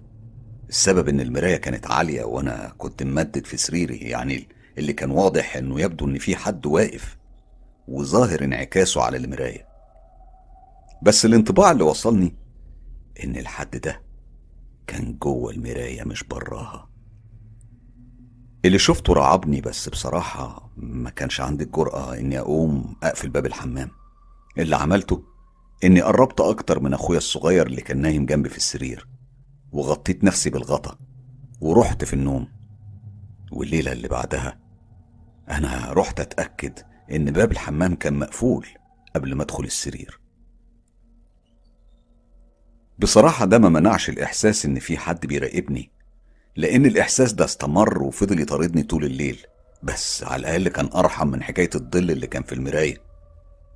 تاني يوم أمي بدأت تصورنا كلنا لكنها لاحظت إن كل الصور كان بيطلع فيها خيالات بيضة غريبة فبدأت تصور حوالين الأوضة وفي كل الزوايا بتاعتها وهي بتقول لنا تخيلوا يظهر الأوضة بتاعتنا مسكونة شايفين الصور طالعة عاملة إزاي؟ دي كلها أطياف بيضة في أماكن مختلفة. إحنا طبعا سمعنا كلامها وقعدنا نضحك ونهرج على الموضوع. أنا بس اللي مرضتش أقول لهم على اللي بحس بيه. أحسن يتريقوا عليا. وبعد ما خلصت الأجازة وسافرنا لبلدنا أنا كنت أسعد واحد فيهم. إن إحنا بعدنا عن المكان. الحاجات الأغرب اللي كنت بحس بيها وبشوفها بالليل دي كانت بالنسبة لي كابوس. فمجرد إن إحنا رجعنا ده كان بالنسبة لي راحة. لكن واضح إن أمنياتي كانت صعبة تتحقق. لأن في نفس الليلة دي وإحنا في بيتنا نفس الإحساس اللي كنت حاسه في الفندق. بدأ يتكرر بس المرة دي كان في بيتنا. أنا في أوضتي وبالتحديد على يمين سريري في مراية كبيرة على الحيطة. ودي كانت أول حتة بصيت عليها علشان أطمن نفسي. بس ما لقيتش أي حاجة فيها خالص. كان انعكاسي وبس. كمان في شاشة تلفزيون كبيرة قدام سريري بشكل مباشر. لكن الشاشة كانت من النوع اللي ما بيعكسش أي حاجة عليها. أقصد إنها يعني من الشاشات القديمة اللي ما بتظهرش أي إشعاع أو أي انعكاس يقع عليها. لكن اللي كان بيعكس كان البرواز بتاع الشاشة السبب إنه بيلمع قوي. فأي حاجة تيجي قدامه بتنعكس على طول وده فعلا اللي حصل وخلى الفزع يضرب في كل أطرافي. لدرجة إني نطيت في مكاني لما شفته. أنا أنا شفت وش لونه رمادي. ومكان عينيه كانوا خرمين سود فاضيين تماما وكانوا بيبحلقولي. أنا بسرعة لفيت وشي الناحية التانية وبعدين بحذر رجعت علشان أبص. لقيت نفس المنظر. الشيء ده كان متنح وبيبصلي حطوا في الاعتبار إن النور كان منور فأنا كنت قادر أشوف الوش المرعب ده لدرجة إني اتحركت في مكاني. بحاول أبعد عن الشاشة على أمل إن ده ممكن يكون خداع بصري. وإن الانعكاس ده هو انعكاسي أنا مثلا. لكن حتى بعد ما بعدت برضه الوضع فضل زي ما هو. أنا فضلت أبص بسرعة في الأوضة على أمل ألاقي أي حاجة ممكن تكون السبب في الانعكاس ده. لكن برضه مفيش فايدة. ما كانش فيه أي حاجة ممكن تصنع الانعكاس ده. أنا فضلت مركز معاه وبعدين في الآخر قررت أنام وأنا مغطي نفسي تماما وحاسس إن في حد معايا في الأوضة. الصبح لما قمت بصيت على الانعكاس برضه كان موجود. رجعت أبص وأدور لكن ما كانش فيه فايدة خالص ما كانش فيه أي سبب منطقي لوجوده. فقلت لنفسي أكيد في حاجة في الأوضة هي اللي بتصنع الانعكاس ده. لكن بعد الظهر لما رحت أشيك عليه لقيته اختفى تماما. أنا قضيت بقية اليوم خايف من فترة الليل لكن لما الدنيا ليلت وجه وقت النوم رحت أبص على الانعكاس بس برضه ما كانش موجود كان مختفي وملهوش وجود. ويمكن ده هو اللي رعبني أكتر من أي حاجة إن الانعكاس اختفى بالرغم من إن كل حاجة في الأوضة لسه على وضعها وما تغيرش مكان أي حاجة. أنا مش عارف تفسير اللي حصل ده. هل هي حاجة من اللي كانوا في الفندق قررت تيجي معانا البيت ولا إيه؟ بصراحة أنا مش عارف أحدد. بس أنا من وقتها ما بنامش غير لما أغطي المراية والتلفزيون. حكاية الليلة ليها خصوصية كبيرة قوي هي على قد ما هي مرعبة ومخيفة. وفيها لحظات هتخلي الأعصاب مشدودة وأنفاسك محبوسة. على قد برضو ما فيها تفاصيل موجعة ولحظات صعبة هتخلي الدموع تملى العيون. الحقيقة الحكاية من كتر ما لمست مشاعري ووجعتني على قد ما رعبتني. علشان كده أنا قررت هقدمها خام بكل مشاعرها وأحاسيسها. أقصد يعني إني هحكيها بصوتي مصحوب بصوت الفحم وهو بيتحرق على النار مع مزيكا خافتة وبسيطة. كل ده علشان تعيشوا المشاعر زي ما صاحبتها بتحكيها بدون أي تداخل من مؤثرات صوتية أو أي مصادر صوتية تانية ممكن تأثر على تجربة الاستماع الصافية. أتمنى بعد ما تسمعوا الحكاية تدعوا لرحاب إن ربنا سبحانه وتعالى يخلصها من البلاء اللي بتعيشه. رحاب اتخطبت سبع مرات وكل مرة الخطوبة كانت بتنتهي نهاية مأساوية والسبب زي ما هي بتقول بيرجع لعالم الجن المرعب. هسيبكم مع التفاصيل.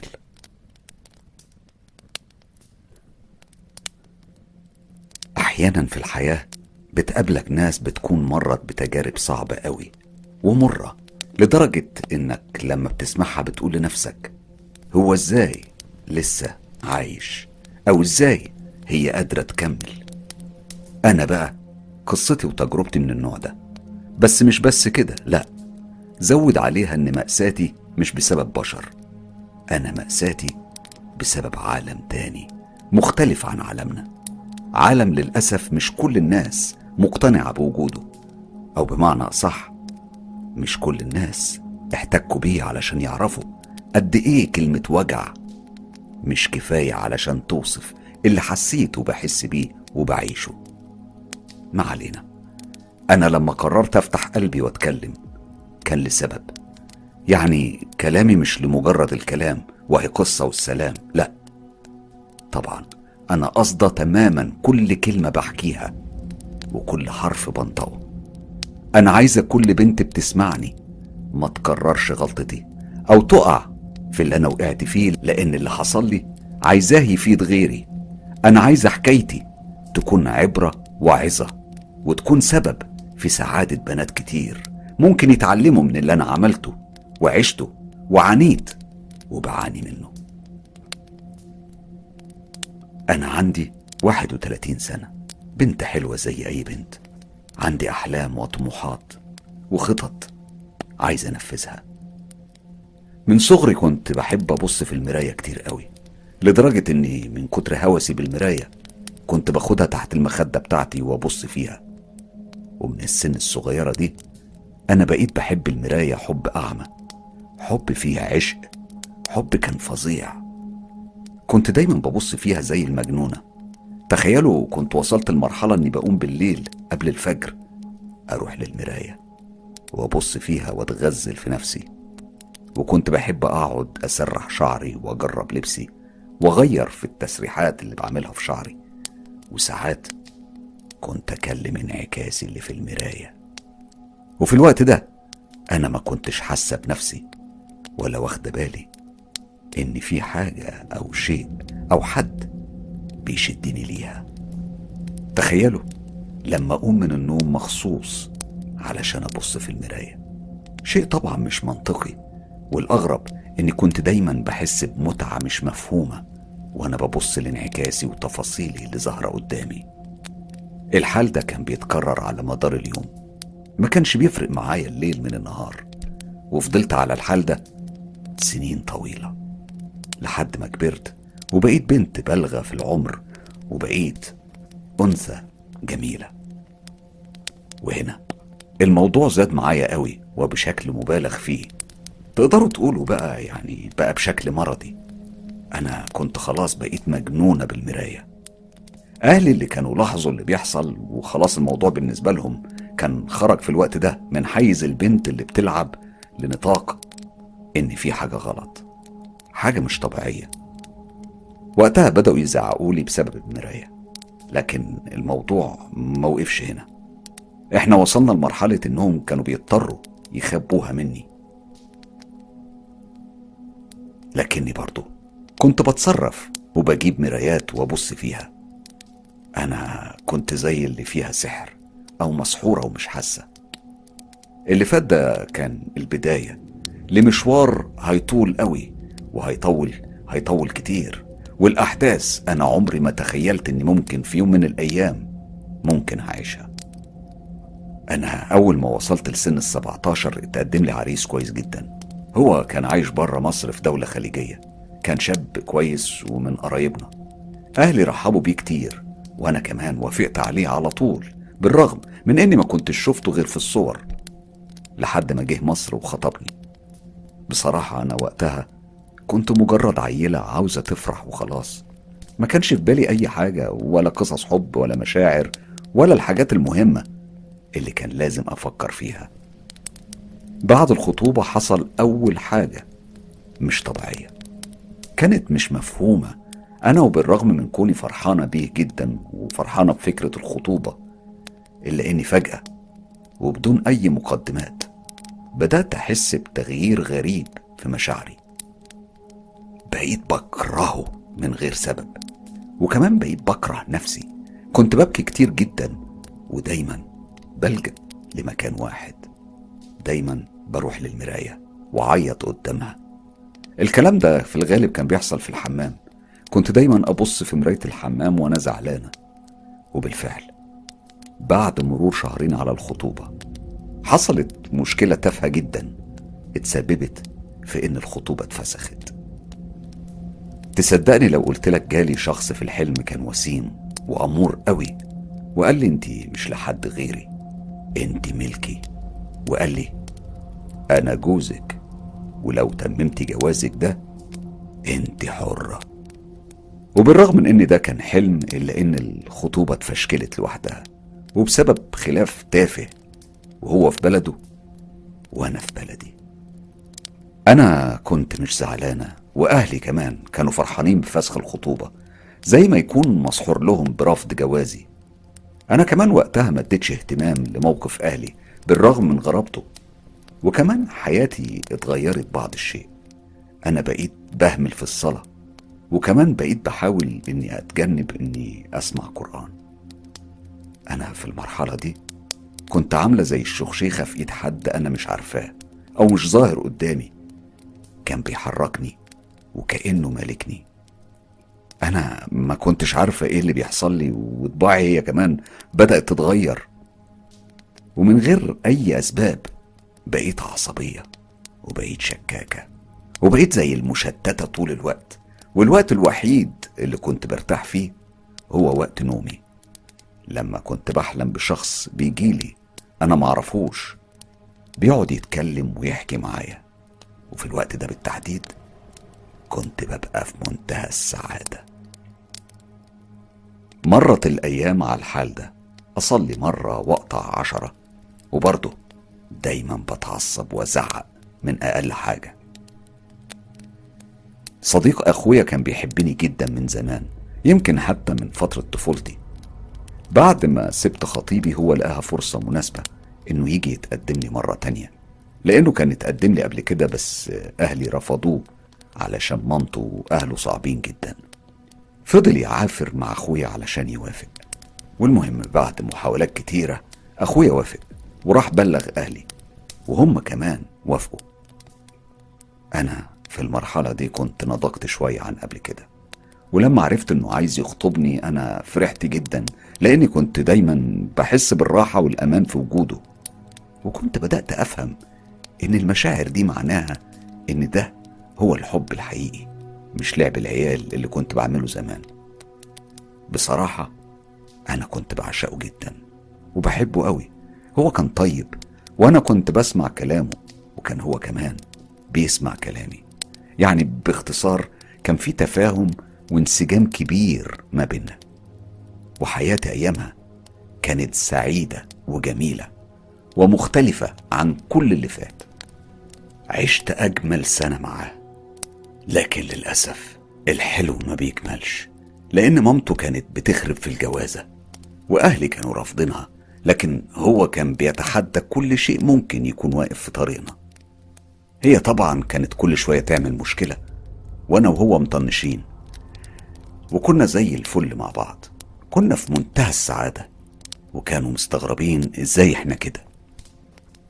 الأهل في مشاكل بينهم وإحنا ملناش دعوة. المهم مامته بقت خلاص زي الشيطان.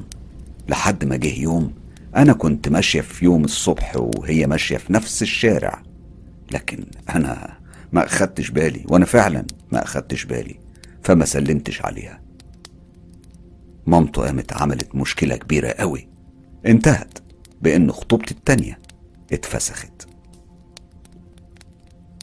هو حاول كتير إننا نرجع لبعض. آه، أنا كنت بحبه جدا لكن أهلي كانوا رافضين تماما. وأنا في الوقت ده كنت رجعت لعادتي. بروح للحمام وأبص للمراية وأعيط كتير وأشكلها همي. بعد كده بشهور قليلة لما الموضوع طول وأهلي لاحظوه خافوا عليا وقررنا إني لازم أروح لمعالج روحاني من اللي بيخرجوا الجن. وبالفعل رحت ولما شافني قال لي أنت مرشوش عليكي مية مسحورة.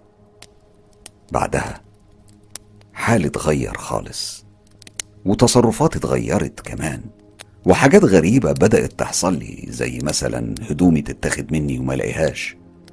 وبعدين فلوسي كانت بتختفي وكمان علشان تكمل تصرفات أهلي ومعاملتهم معايا اتغيرت. أنا كنت بقيت بكرههم وأسلوبي معاهم بقى وحش قوي. وفي الأجواء الصعبة وفي ظل المشاعر المتضاربة دي حصلت لي أول مواجهة واللي هي تعتبر إعلان الكيان الغريب ده لوجوده في حياتي. كنا في الشتاء وقتها كان عندي حوالي 19 سنة وكان يوم برد جدا وقمت أخدت شاور وكانت بنت أختي صغيرة في العمر آه، ناديتها وقلت لها لما هاخد شاور هبقى أنده عليكي علشان تجيبي لي هدومي. قالت لي حاضر يا خالته وفعلا أنا دخلت الحمام وكنت باخد الشاور بتاعي بمية سخنة جدا. فجأة الحمام بقى عبارة عن بخار. وزي ما يكون في حد معايا في الحمام. أنا كنت قافلة الشباك وكمان الباب. ومفيش أي هوا. وفجأة لقيت شيء أسود في أجواء البخار. بيظهر على السيراميك بتاع الحمام. وقتها أنا كنت مالية البانيو بالمية السخنة وكنت واقفة جنبه وخلاص كنت هنزل فيه. وهنا حسيت كأني هيغمى عليا وفجأة سبحان الله اللي خلاني عملت كده لقيت نفسي قدرت أروح عند باب الحمام ولقيتني بنده على أمي وبنت أختي علشان يلحقوني. وفي اللحظة نفسها بصيت ناحية الشيء الأسود اللي كان في سيراميك الحمام. لقيته بيقرب مني. أنا من كتر الرعب فتحت الباب عليا ورحت صوتت بصوت مكتوم. وهنا جت بنت أختي لقتني مغمى عليا جنب التويلت وأنا عريانة. وقتها جريت أمي على الجيران لأنها ما كانتش قادرة تقومني من على الأرض. كانت محتاجاهم يشيلوني معاها. وبالفعل وبالفعل جم بنات الجيران وأخدوني من الحمام. وكانت أمي جابت لبسي ولبستني. واخدتني وراحت بيا على المستشفى. هناك. الدكتورة قالت لها إن دي حالة اختناق. اتسببت في إني يغمى عليا. وإن مفيش أي حاجة تقلق. بعدها روحت بيتي في اليوم المشؤوم ده اللي مش ممكن هنساه ابدا لأن بعده تحديدا حياتي اتقلبت رأسا على عقب واتغيرت تماما.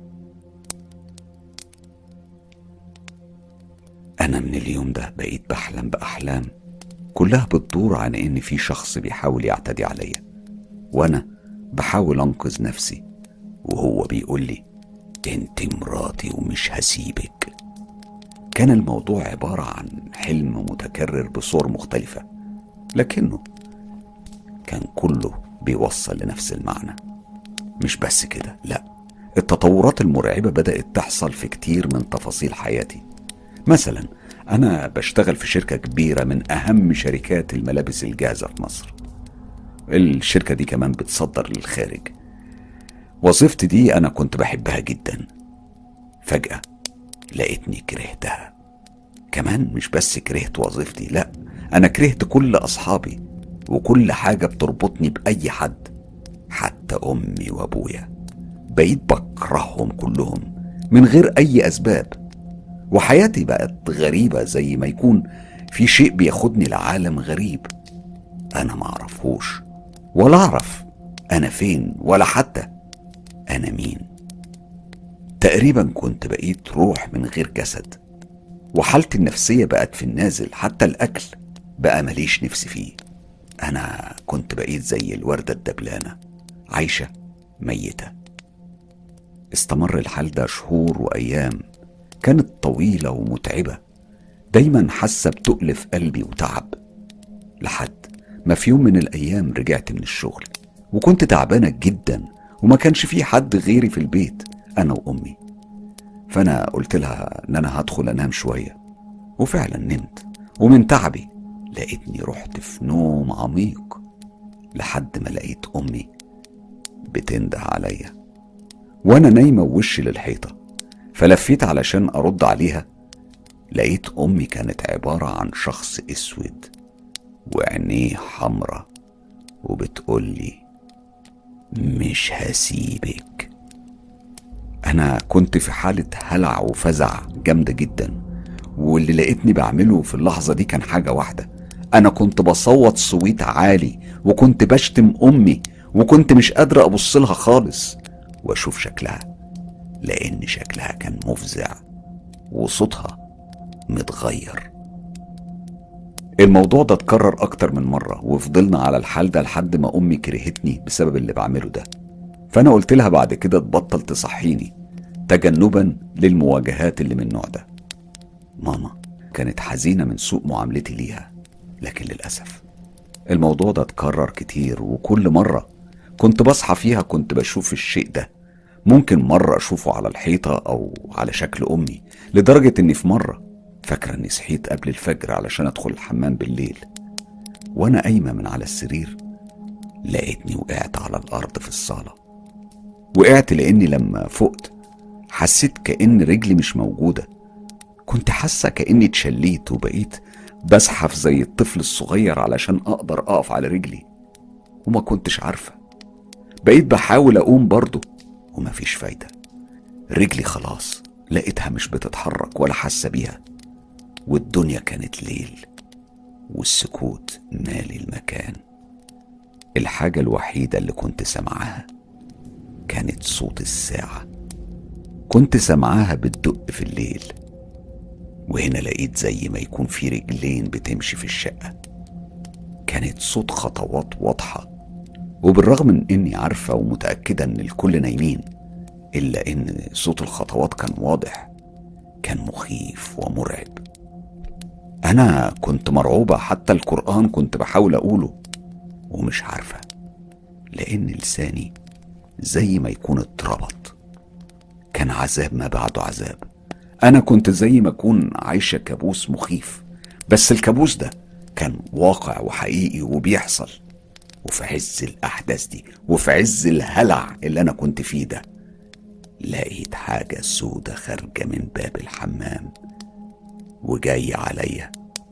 العينين الحمرة كانت منورة وباينة قوي في النور. أصل إحنا بنطفي نور البيت كله ما عدا نور المطبخ لأني ما بعرفش أنام في النور. وهنا أنا كنت بدأت أبكي وأقرأ قرآن ومش عارف أعمل إيه ومن جوايا كنت بصرخ لربنا سبحانه وتعالى. بدعي له وبقول له يا رب يا رب يا رب أذان الفجر يأذن علشان أعرف أتحرك تاني. وفعلا لقيت ربنا سبحانه وتعالى استجاب لي ولقيت الأذان بيأذن ولقيتني فجأة زي ما كون كنت مربوطة بحبل واتفكيت وقمت أجري على الحمام بسرعة. وبعد كده جريت على أوضتي وبقيت أترعش من البرد والسعة وبالرغم من كنا في الوقت ده في وقت الصيف وفي عز الحر. يوم ما جالي العريس التالت فصل جديد في تجربتي المرعبة بدأ. هو كان شاب من العيلة وتقدم لي وأهلي كانوا مرحبين بيه جدا ووافقوا لكن أنا كنت حاسة إن في شيء بيفشل الجوازة. كل عريس كان بيجيلي كان لازم يحصل لي حاجات غريبة ومريبة زي مرة أنا كنت نايمة بالليل قبل الفجر. لقيتني مرة واحدة اتشليت. بالمناسبة موضوع الشلل النومي ده بيجيلي على طول وكل يوم. وبالرغم من إني دايما بشغل قرآن في البيت كتير. وبرضه بيحصل لي. ويا ريت على كده وبس لأ. وكمان وقت النوم بالليل وأوقات كان بيحصل لي قبل الفجر. طبعا الأجواء اللي أنا كنت عايشة فيها كانت صعبة جدا. ومفيش إنسان يقدر يتحملها. أنا في الفترة دي عشت مواقف صعبة ومؤلمة لكن الموقف اللي هحكي لك عليه دلوقتي كان من أصعب المواقف دي. في يوم من أيام المرحلة دي أنا كنت نايمة وفجأة لقيت عينيا فتحت ووداني كانت لقطت صوت بيحصل في الأوضة. أنا كنت منتبهة بكل حواسي وهنا لقيت قطة بيضة على الكومودينو. كانت ساكتة وبتبص لي جامد وعينيها عليا.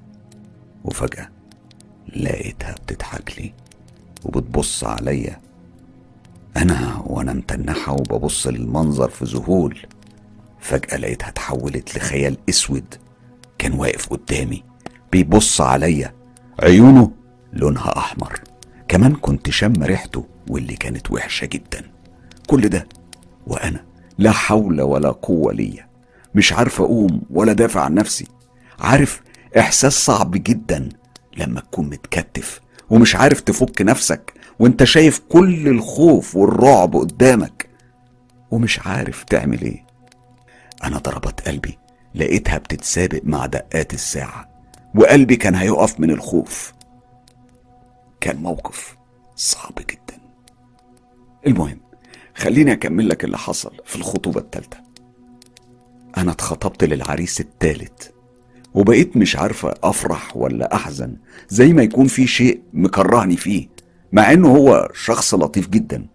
بس أنا كنت بكرهه ومش عاوز أشوفه وبرضه مشاكل زي اللي قبله كل خطوبة فيها مشكلة. في الأول بيحصل استلطاف. وبعد كده بتبدأ معركة المشاكل بيني وبينه أو ممكن بين العيلتين. واتفركشت زي كل مرة. الغريبة بقى إني ببقى مبسوطة لما بفشكل كل خطوبة. لكن بعد كده بقعد أبكي كتير على حالي. كل الناس بقوا يقولوا لي كلام بيوجع وبيزعل زي اللي يقول لي أنت تنكة وشخصية مناخيرك فوق ومحدش عاجبك. أنت عاجبة نفسك وبس. ومع إن كل العرسان دول كلهم كانوا مراكز مهمة ومرموقة جدا لكن الفشل كان دايما بيكون هو عنوان النهاية لكل مشروع جواز كنت بمشي فيه. في النهاية كنت ببكي وباخد مرايتي في حضني وأبص فيها وأبكي وأنا عيوني حمرة وشكلي اتغير جدا وصوتي كمان. في يوم كنت خارجة مع أمي وإحنا ماشيين في الشارع لقيت ست منقبة جاية من بعيد. الست دي كانت بتبص عليا. أنا كنت ببص لها بذعر ورعب. كنت شايفاها غريبة وتخوف لأن عينيها كانت مش طبيعية. ولما قربت مني قوي وأنا ماشي مع أمي لقيتني بتنح لها وببص لها. كانت بتبص لي جامد هي كمان. وهنا لقيتني بقرب منها قوي وببص في عينيها وهنا اتفاجئت إن مفيش نني في عينيها. كانت عيونها كلها سودة. وقتها قلبي وقع في رجلي من الرعب وضرباته كانت بتجري بسرعة لدرجة إني حسيت إنه هينفجر ولقيت نفسي في حالة هلع. الموضوع كله ما أخدش أكتر من خمس ثواني. بعدها لقيتها اختفت زي فص ملح وداب. أنا بقيت زي المجنونة وقعدت أصوت واصرخ كانت فضيحة في الشارع. أما أمي فكانت في حالة ذعر وحزن. بعدها أنا أغمى عليا. الشيء ده زي ما يكون بيمشي ورايا. مجرد ما أفكر فيه وأفتكره ألاقيه ظهر لي. بيظهر لي في إزاز شباك في مراية على حيطة. دايما موجود. في المكان اللي بكون موجودة فيه ومش بيفارقني. جوه البيت وبره البيت. كمان وشه أصبح جزء مش بيتجزأ من تفاصيل حياتي الصعبة والمخيفة. طبعا اتكررت محاولات الخطوبة وكل مرة كان بيظهر لي في الحلم وبيكرر تهديده ليا. لكن بعد كده الأمور دخلت في مرحلة أخطر بكتير من كل اللي فات. وده لأنه بدأ يظهر لي على شكل شاب أمور جدا ووسيم وكان بيحاول يعاشرني في الحلم. وأنا كنت دايما بحاول عافر وأرفض وأقاوم. كان بيجيلي أحيانا على شكل بابا وكمان على شكل أخويا في الحلم وعاوزني بأي طريقة. وأنا كنت بصوت في الحلم وكل مرة أصحى على صوتي ورعشتي ودقات قلبي اللي كانت هتشق صدري من الخوف والفزع. وكل يوم الشلل النومي ده بيتكرر. كمان كنت بشوف قطط وكلاب وأنا صاحية وسامعة لدرجة إن الكلب اللي كنت بشوفه ده مش بيتحرك خالص زي القطة بيبص عليا ودايما بتنتهي البصات بالشبح الأسود في وشي وبرضه لساني ممسوك وحاسه اني متكتفة جدا ولقيت شخص بيحاول يعتدي عليا وأنا بحاول إني أفك نفسي من اللي بيحصل لي ده وحاسة بلمسة إيده بتتحرك عليا كنت بحاول أتكلم بأي طريقة وأقرأ قرآن وأحاول بكل عزيمتي وقوتي وفعلا زي ما يكون نزلت عليا قوة خارقة وده حصل لما استعنت بالقرآن الكريم. بالرغم من إني كنت بقرأ آية الكرسي في سري والحمد لله جسمي انفك من اللي أنا كنت فيه وما اديتهوش فرصة ينول غرضه فيا لإني بالقرآن كنت أقوى منه. المواقف والأحداث المرعبة اللي كنت بمر بيها وبتتكرر كانت كتير لكن من أخطرها كانت الواقعة دي. مرة تانية كنت رجعت من الشغل وكنت مرهقة جدا جدا. ببقى عايز أنام كانت الساعة 4 العصر فدخلت أوضتي. وأنا بغير هدومي فجأة لقيت حد ضربني على وشي وبعدين ضربني على دماغي. أ- أنا كنت لوحدي في أوضتي في اللحظة دي. أنا حسيت بنفسي وأنا بترمى على الأرض زي ما يكون حد زقني على وشي. وفجأة قمت وجريت على باب الأوضة وفتحته. رحت جري على ماما وبابا وقلت لهم مين دخل أوضتي؟ وأنا بغير هدومي. قالوا لي يا بنتي محدش دخل أوضتك خالص. اللي كنت مستغرباه إن أنا لما بدخل أوضتي محدش بيدخلها غير لما بفتح له بالمفتاح لأن ممنوع حد يدخل أوضتي.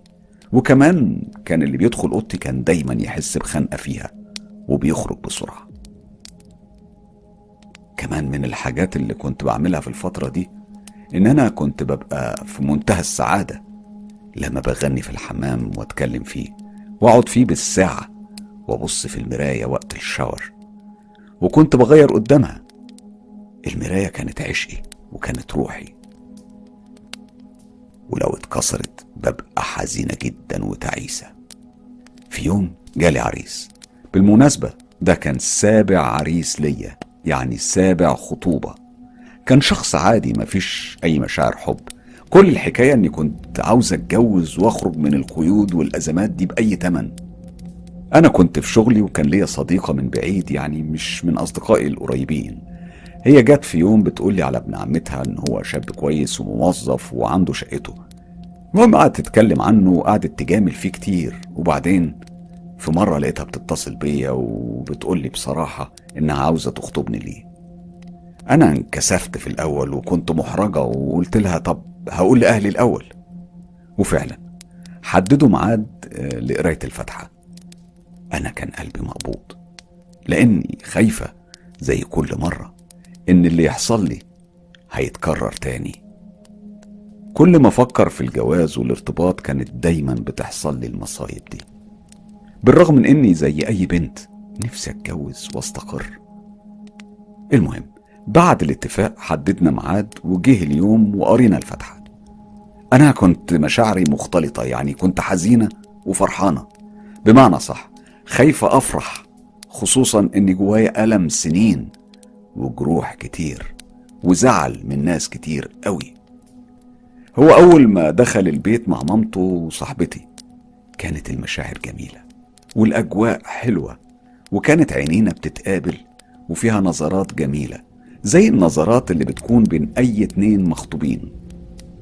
وبعد ما خلصت القعدة والكلام أمي لقت إيديها اتجرحت جرح عميق لوحدها بدون أي سبب. إيديها كانت بتنزف ومحدش عارف إيه اللي عمل ده. أما أنا فكنت حاسة إن أنا منملة ومخدرة ومش قادرة أمشي ولا حتى قادرة أتحرك. أنا كنت قاعدة ساكتة في مكاني من ذهولي بسبب نزيف أمي اللي ما كانش له أي سبب. وأنا كنت بدأت أبكي من شدة الخنقة اللي جوايا. ببص لقيت إيدي أنا كمان مجروحة في نفس المكان اللي فيه جرح أمي. الدم غرق الأرض وكمان هدومي والجرح كان عميق قوي أما المرعب إن ما كانش له سبب. على فكرة أنا قعدت مقري فتحتي لمدة 14 شهر. كل ما نحدد ميعاد للخطوبة يحصل شيء يعطلنا. أول حاجة حصلت إنه هو عمل حادثة جامدة واضطر ياخد أجازة من الشغل وعمل عملية في رجليه مسامير وشرايح وبعد كده كان ابتدى يتحسن شوية شوية لحد ما خف. أنا في الوقت ده كنت كل يوم بتصل بيه وأزوره مع أهلي في بيتهم وفي المستشفى. وأنا كنت عارفة في قرارة نفسي إن لازم هيحصل حاجة. أما الحاجة اللي عمري ما قلتها لحد إني حلمت بكل اللي حصل ده قبل ما يحصل. أنا كنت عارفة إن الشيء ده بينتقم مني ومن أهلي ومن أي حد له علاقة بيا. بعد ما هو خف حددنا ميعاد تاني للخطوبة دي. وقتها أمي أنا حصل لها حادثة كبيرة. وفقدت الذاكرة ودخلت عناية مركزة وجالها غيبوبة. لا وكمان جالها نزيف في المخ. أنا اضطريت أسيب شغلي وطبعا بما إني البنت الوحيدة اللي لسه ما اتجوزتش قعدت مع أمي في المستشفى. وبعد حوالي ثلاث شهور أمي ابتدت حالتها تتحسن رغم كل الصعوبات اللي مرت بيها. هنا أهل خطيبي قالوا خلاص نحدد ميعاد جديد للخطوبة ووالدته هنا عملت عملية كبيرة في عينيها واتعطلت خطوبتي تاني وبقينا في الحال ده لشهور شهر يجر شهر. مامته اتحسنت شوية وعملت عملية في الشبكية وبقت بتشوف كويس. ورجعنا قلنا نحدد ميعاد للخطوبة مع إن كل الناس كانت بتقول لي سيبيه دي جوازة شؤم. أهلي والجيران وأصحابي كل ده يعني كنت بعاني في وقتها من حالة نفسية زي الزفت ولا نوم ولا أكل شهيتي كانت اتسدت شوية بشوية كانت حالتي اتغيرت للأسوأ. ده غير طبعا الشلل النومي وكمان الحيوانات اللي بشوفها في أوضتي وكمان الضرب اللي بيحصل لي وأنا نايمة وأنا صاحية. ده كله طبعا وكمان الخيال اللي كان ملازمني في بيتنا وأنا باكل وأنا نايمة وفي كل وقت. وفاكرة مرة كنت في الحمام لقيته جالي على شكل خروف واتشكل على جدار السيراميك بتاع الحمام. كان بيحاول يرعبني علشان أنا مش عاوز أسيب خطيبي.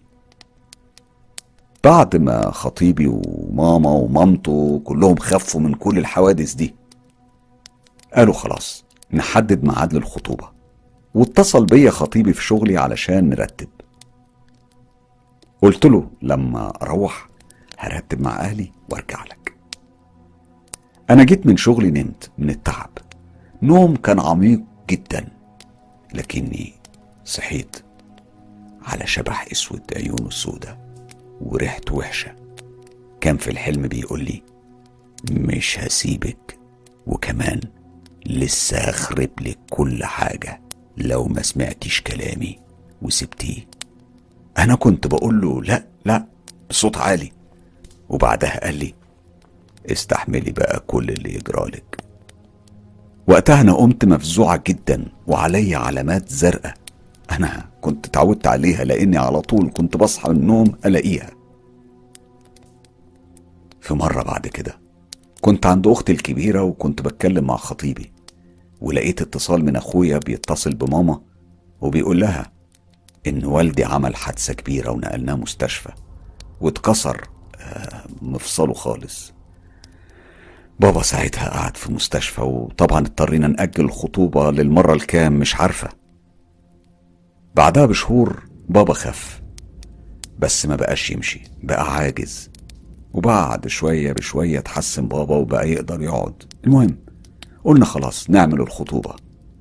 وحصل إيه؟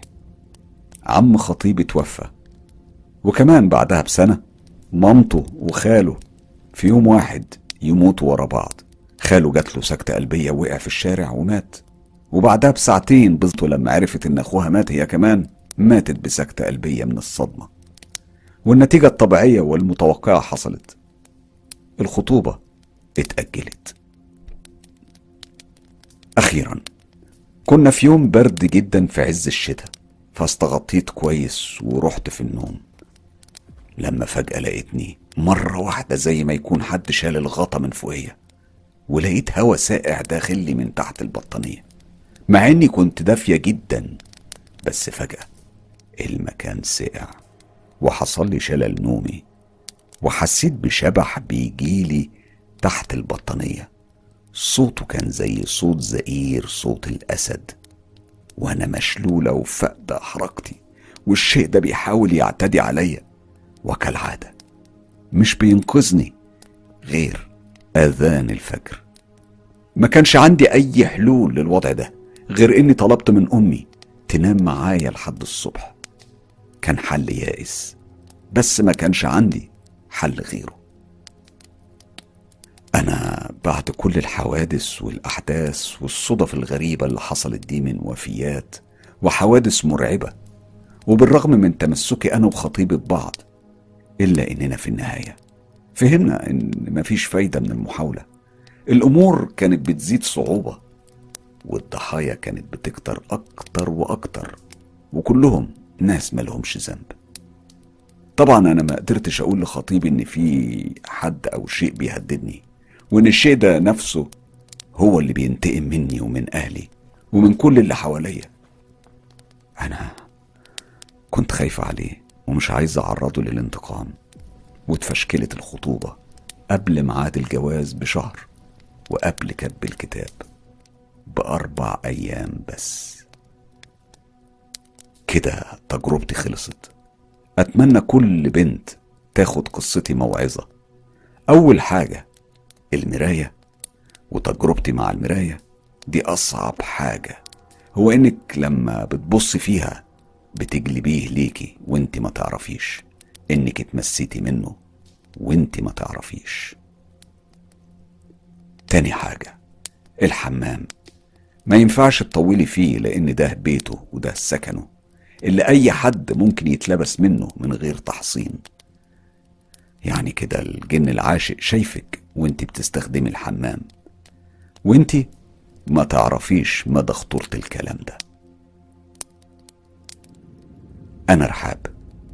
أنا غلطت في حق نفسي لأني أنا السبب في كل اللي جرالي أنا كنت بغريه من غير ما أعرف وبقول لكل بنت دي قصتي مع الجن العاشق واللي بعاني منه ولسه بعاني.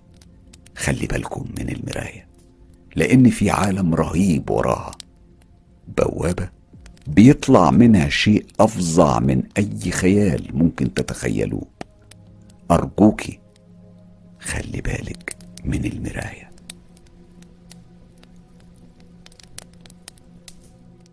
دعواتي من القلب لأختي الغالية رحاب وبتمنى منكم كلكم دعوة جميلة من القلب. إن ربنا سبحانه وتعالى يفرج كربها. ومين عارف ممكن نكون سبب في تفريج همها وزرع الفرحة في قلبها وقلب أمها. لو عندكم تجارب حقيقية وحصلت بالفعل ليكم أو لحد من أصحابكم وحابين تشاركوا بيها أصدقاء مستر كايرو ابعتوا التجارب على الصفحة الرسمية للإعلامي حسام مصباح على موقع التواصل الاجتماعي فيسبوك أو على موقع صراحة أو تطبيق تيليجرام كل الروابط دي موجودة في خانة الوصف. أما للحصول على كل الحصريات انضموا لجروب تجربة رعب مستر كايرو. وصفحة هستيريا قصص رعب على فيسبوك.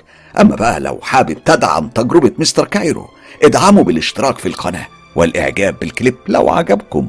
وطبعا share الكليب في كل مكان واتساب ماسنجر إنستجرام وأخيرا يوتيوب. خلي الدنيا كلها تعيش تجربة مستر كايرو.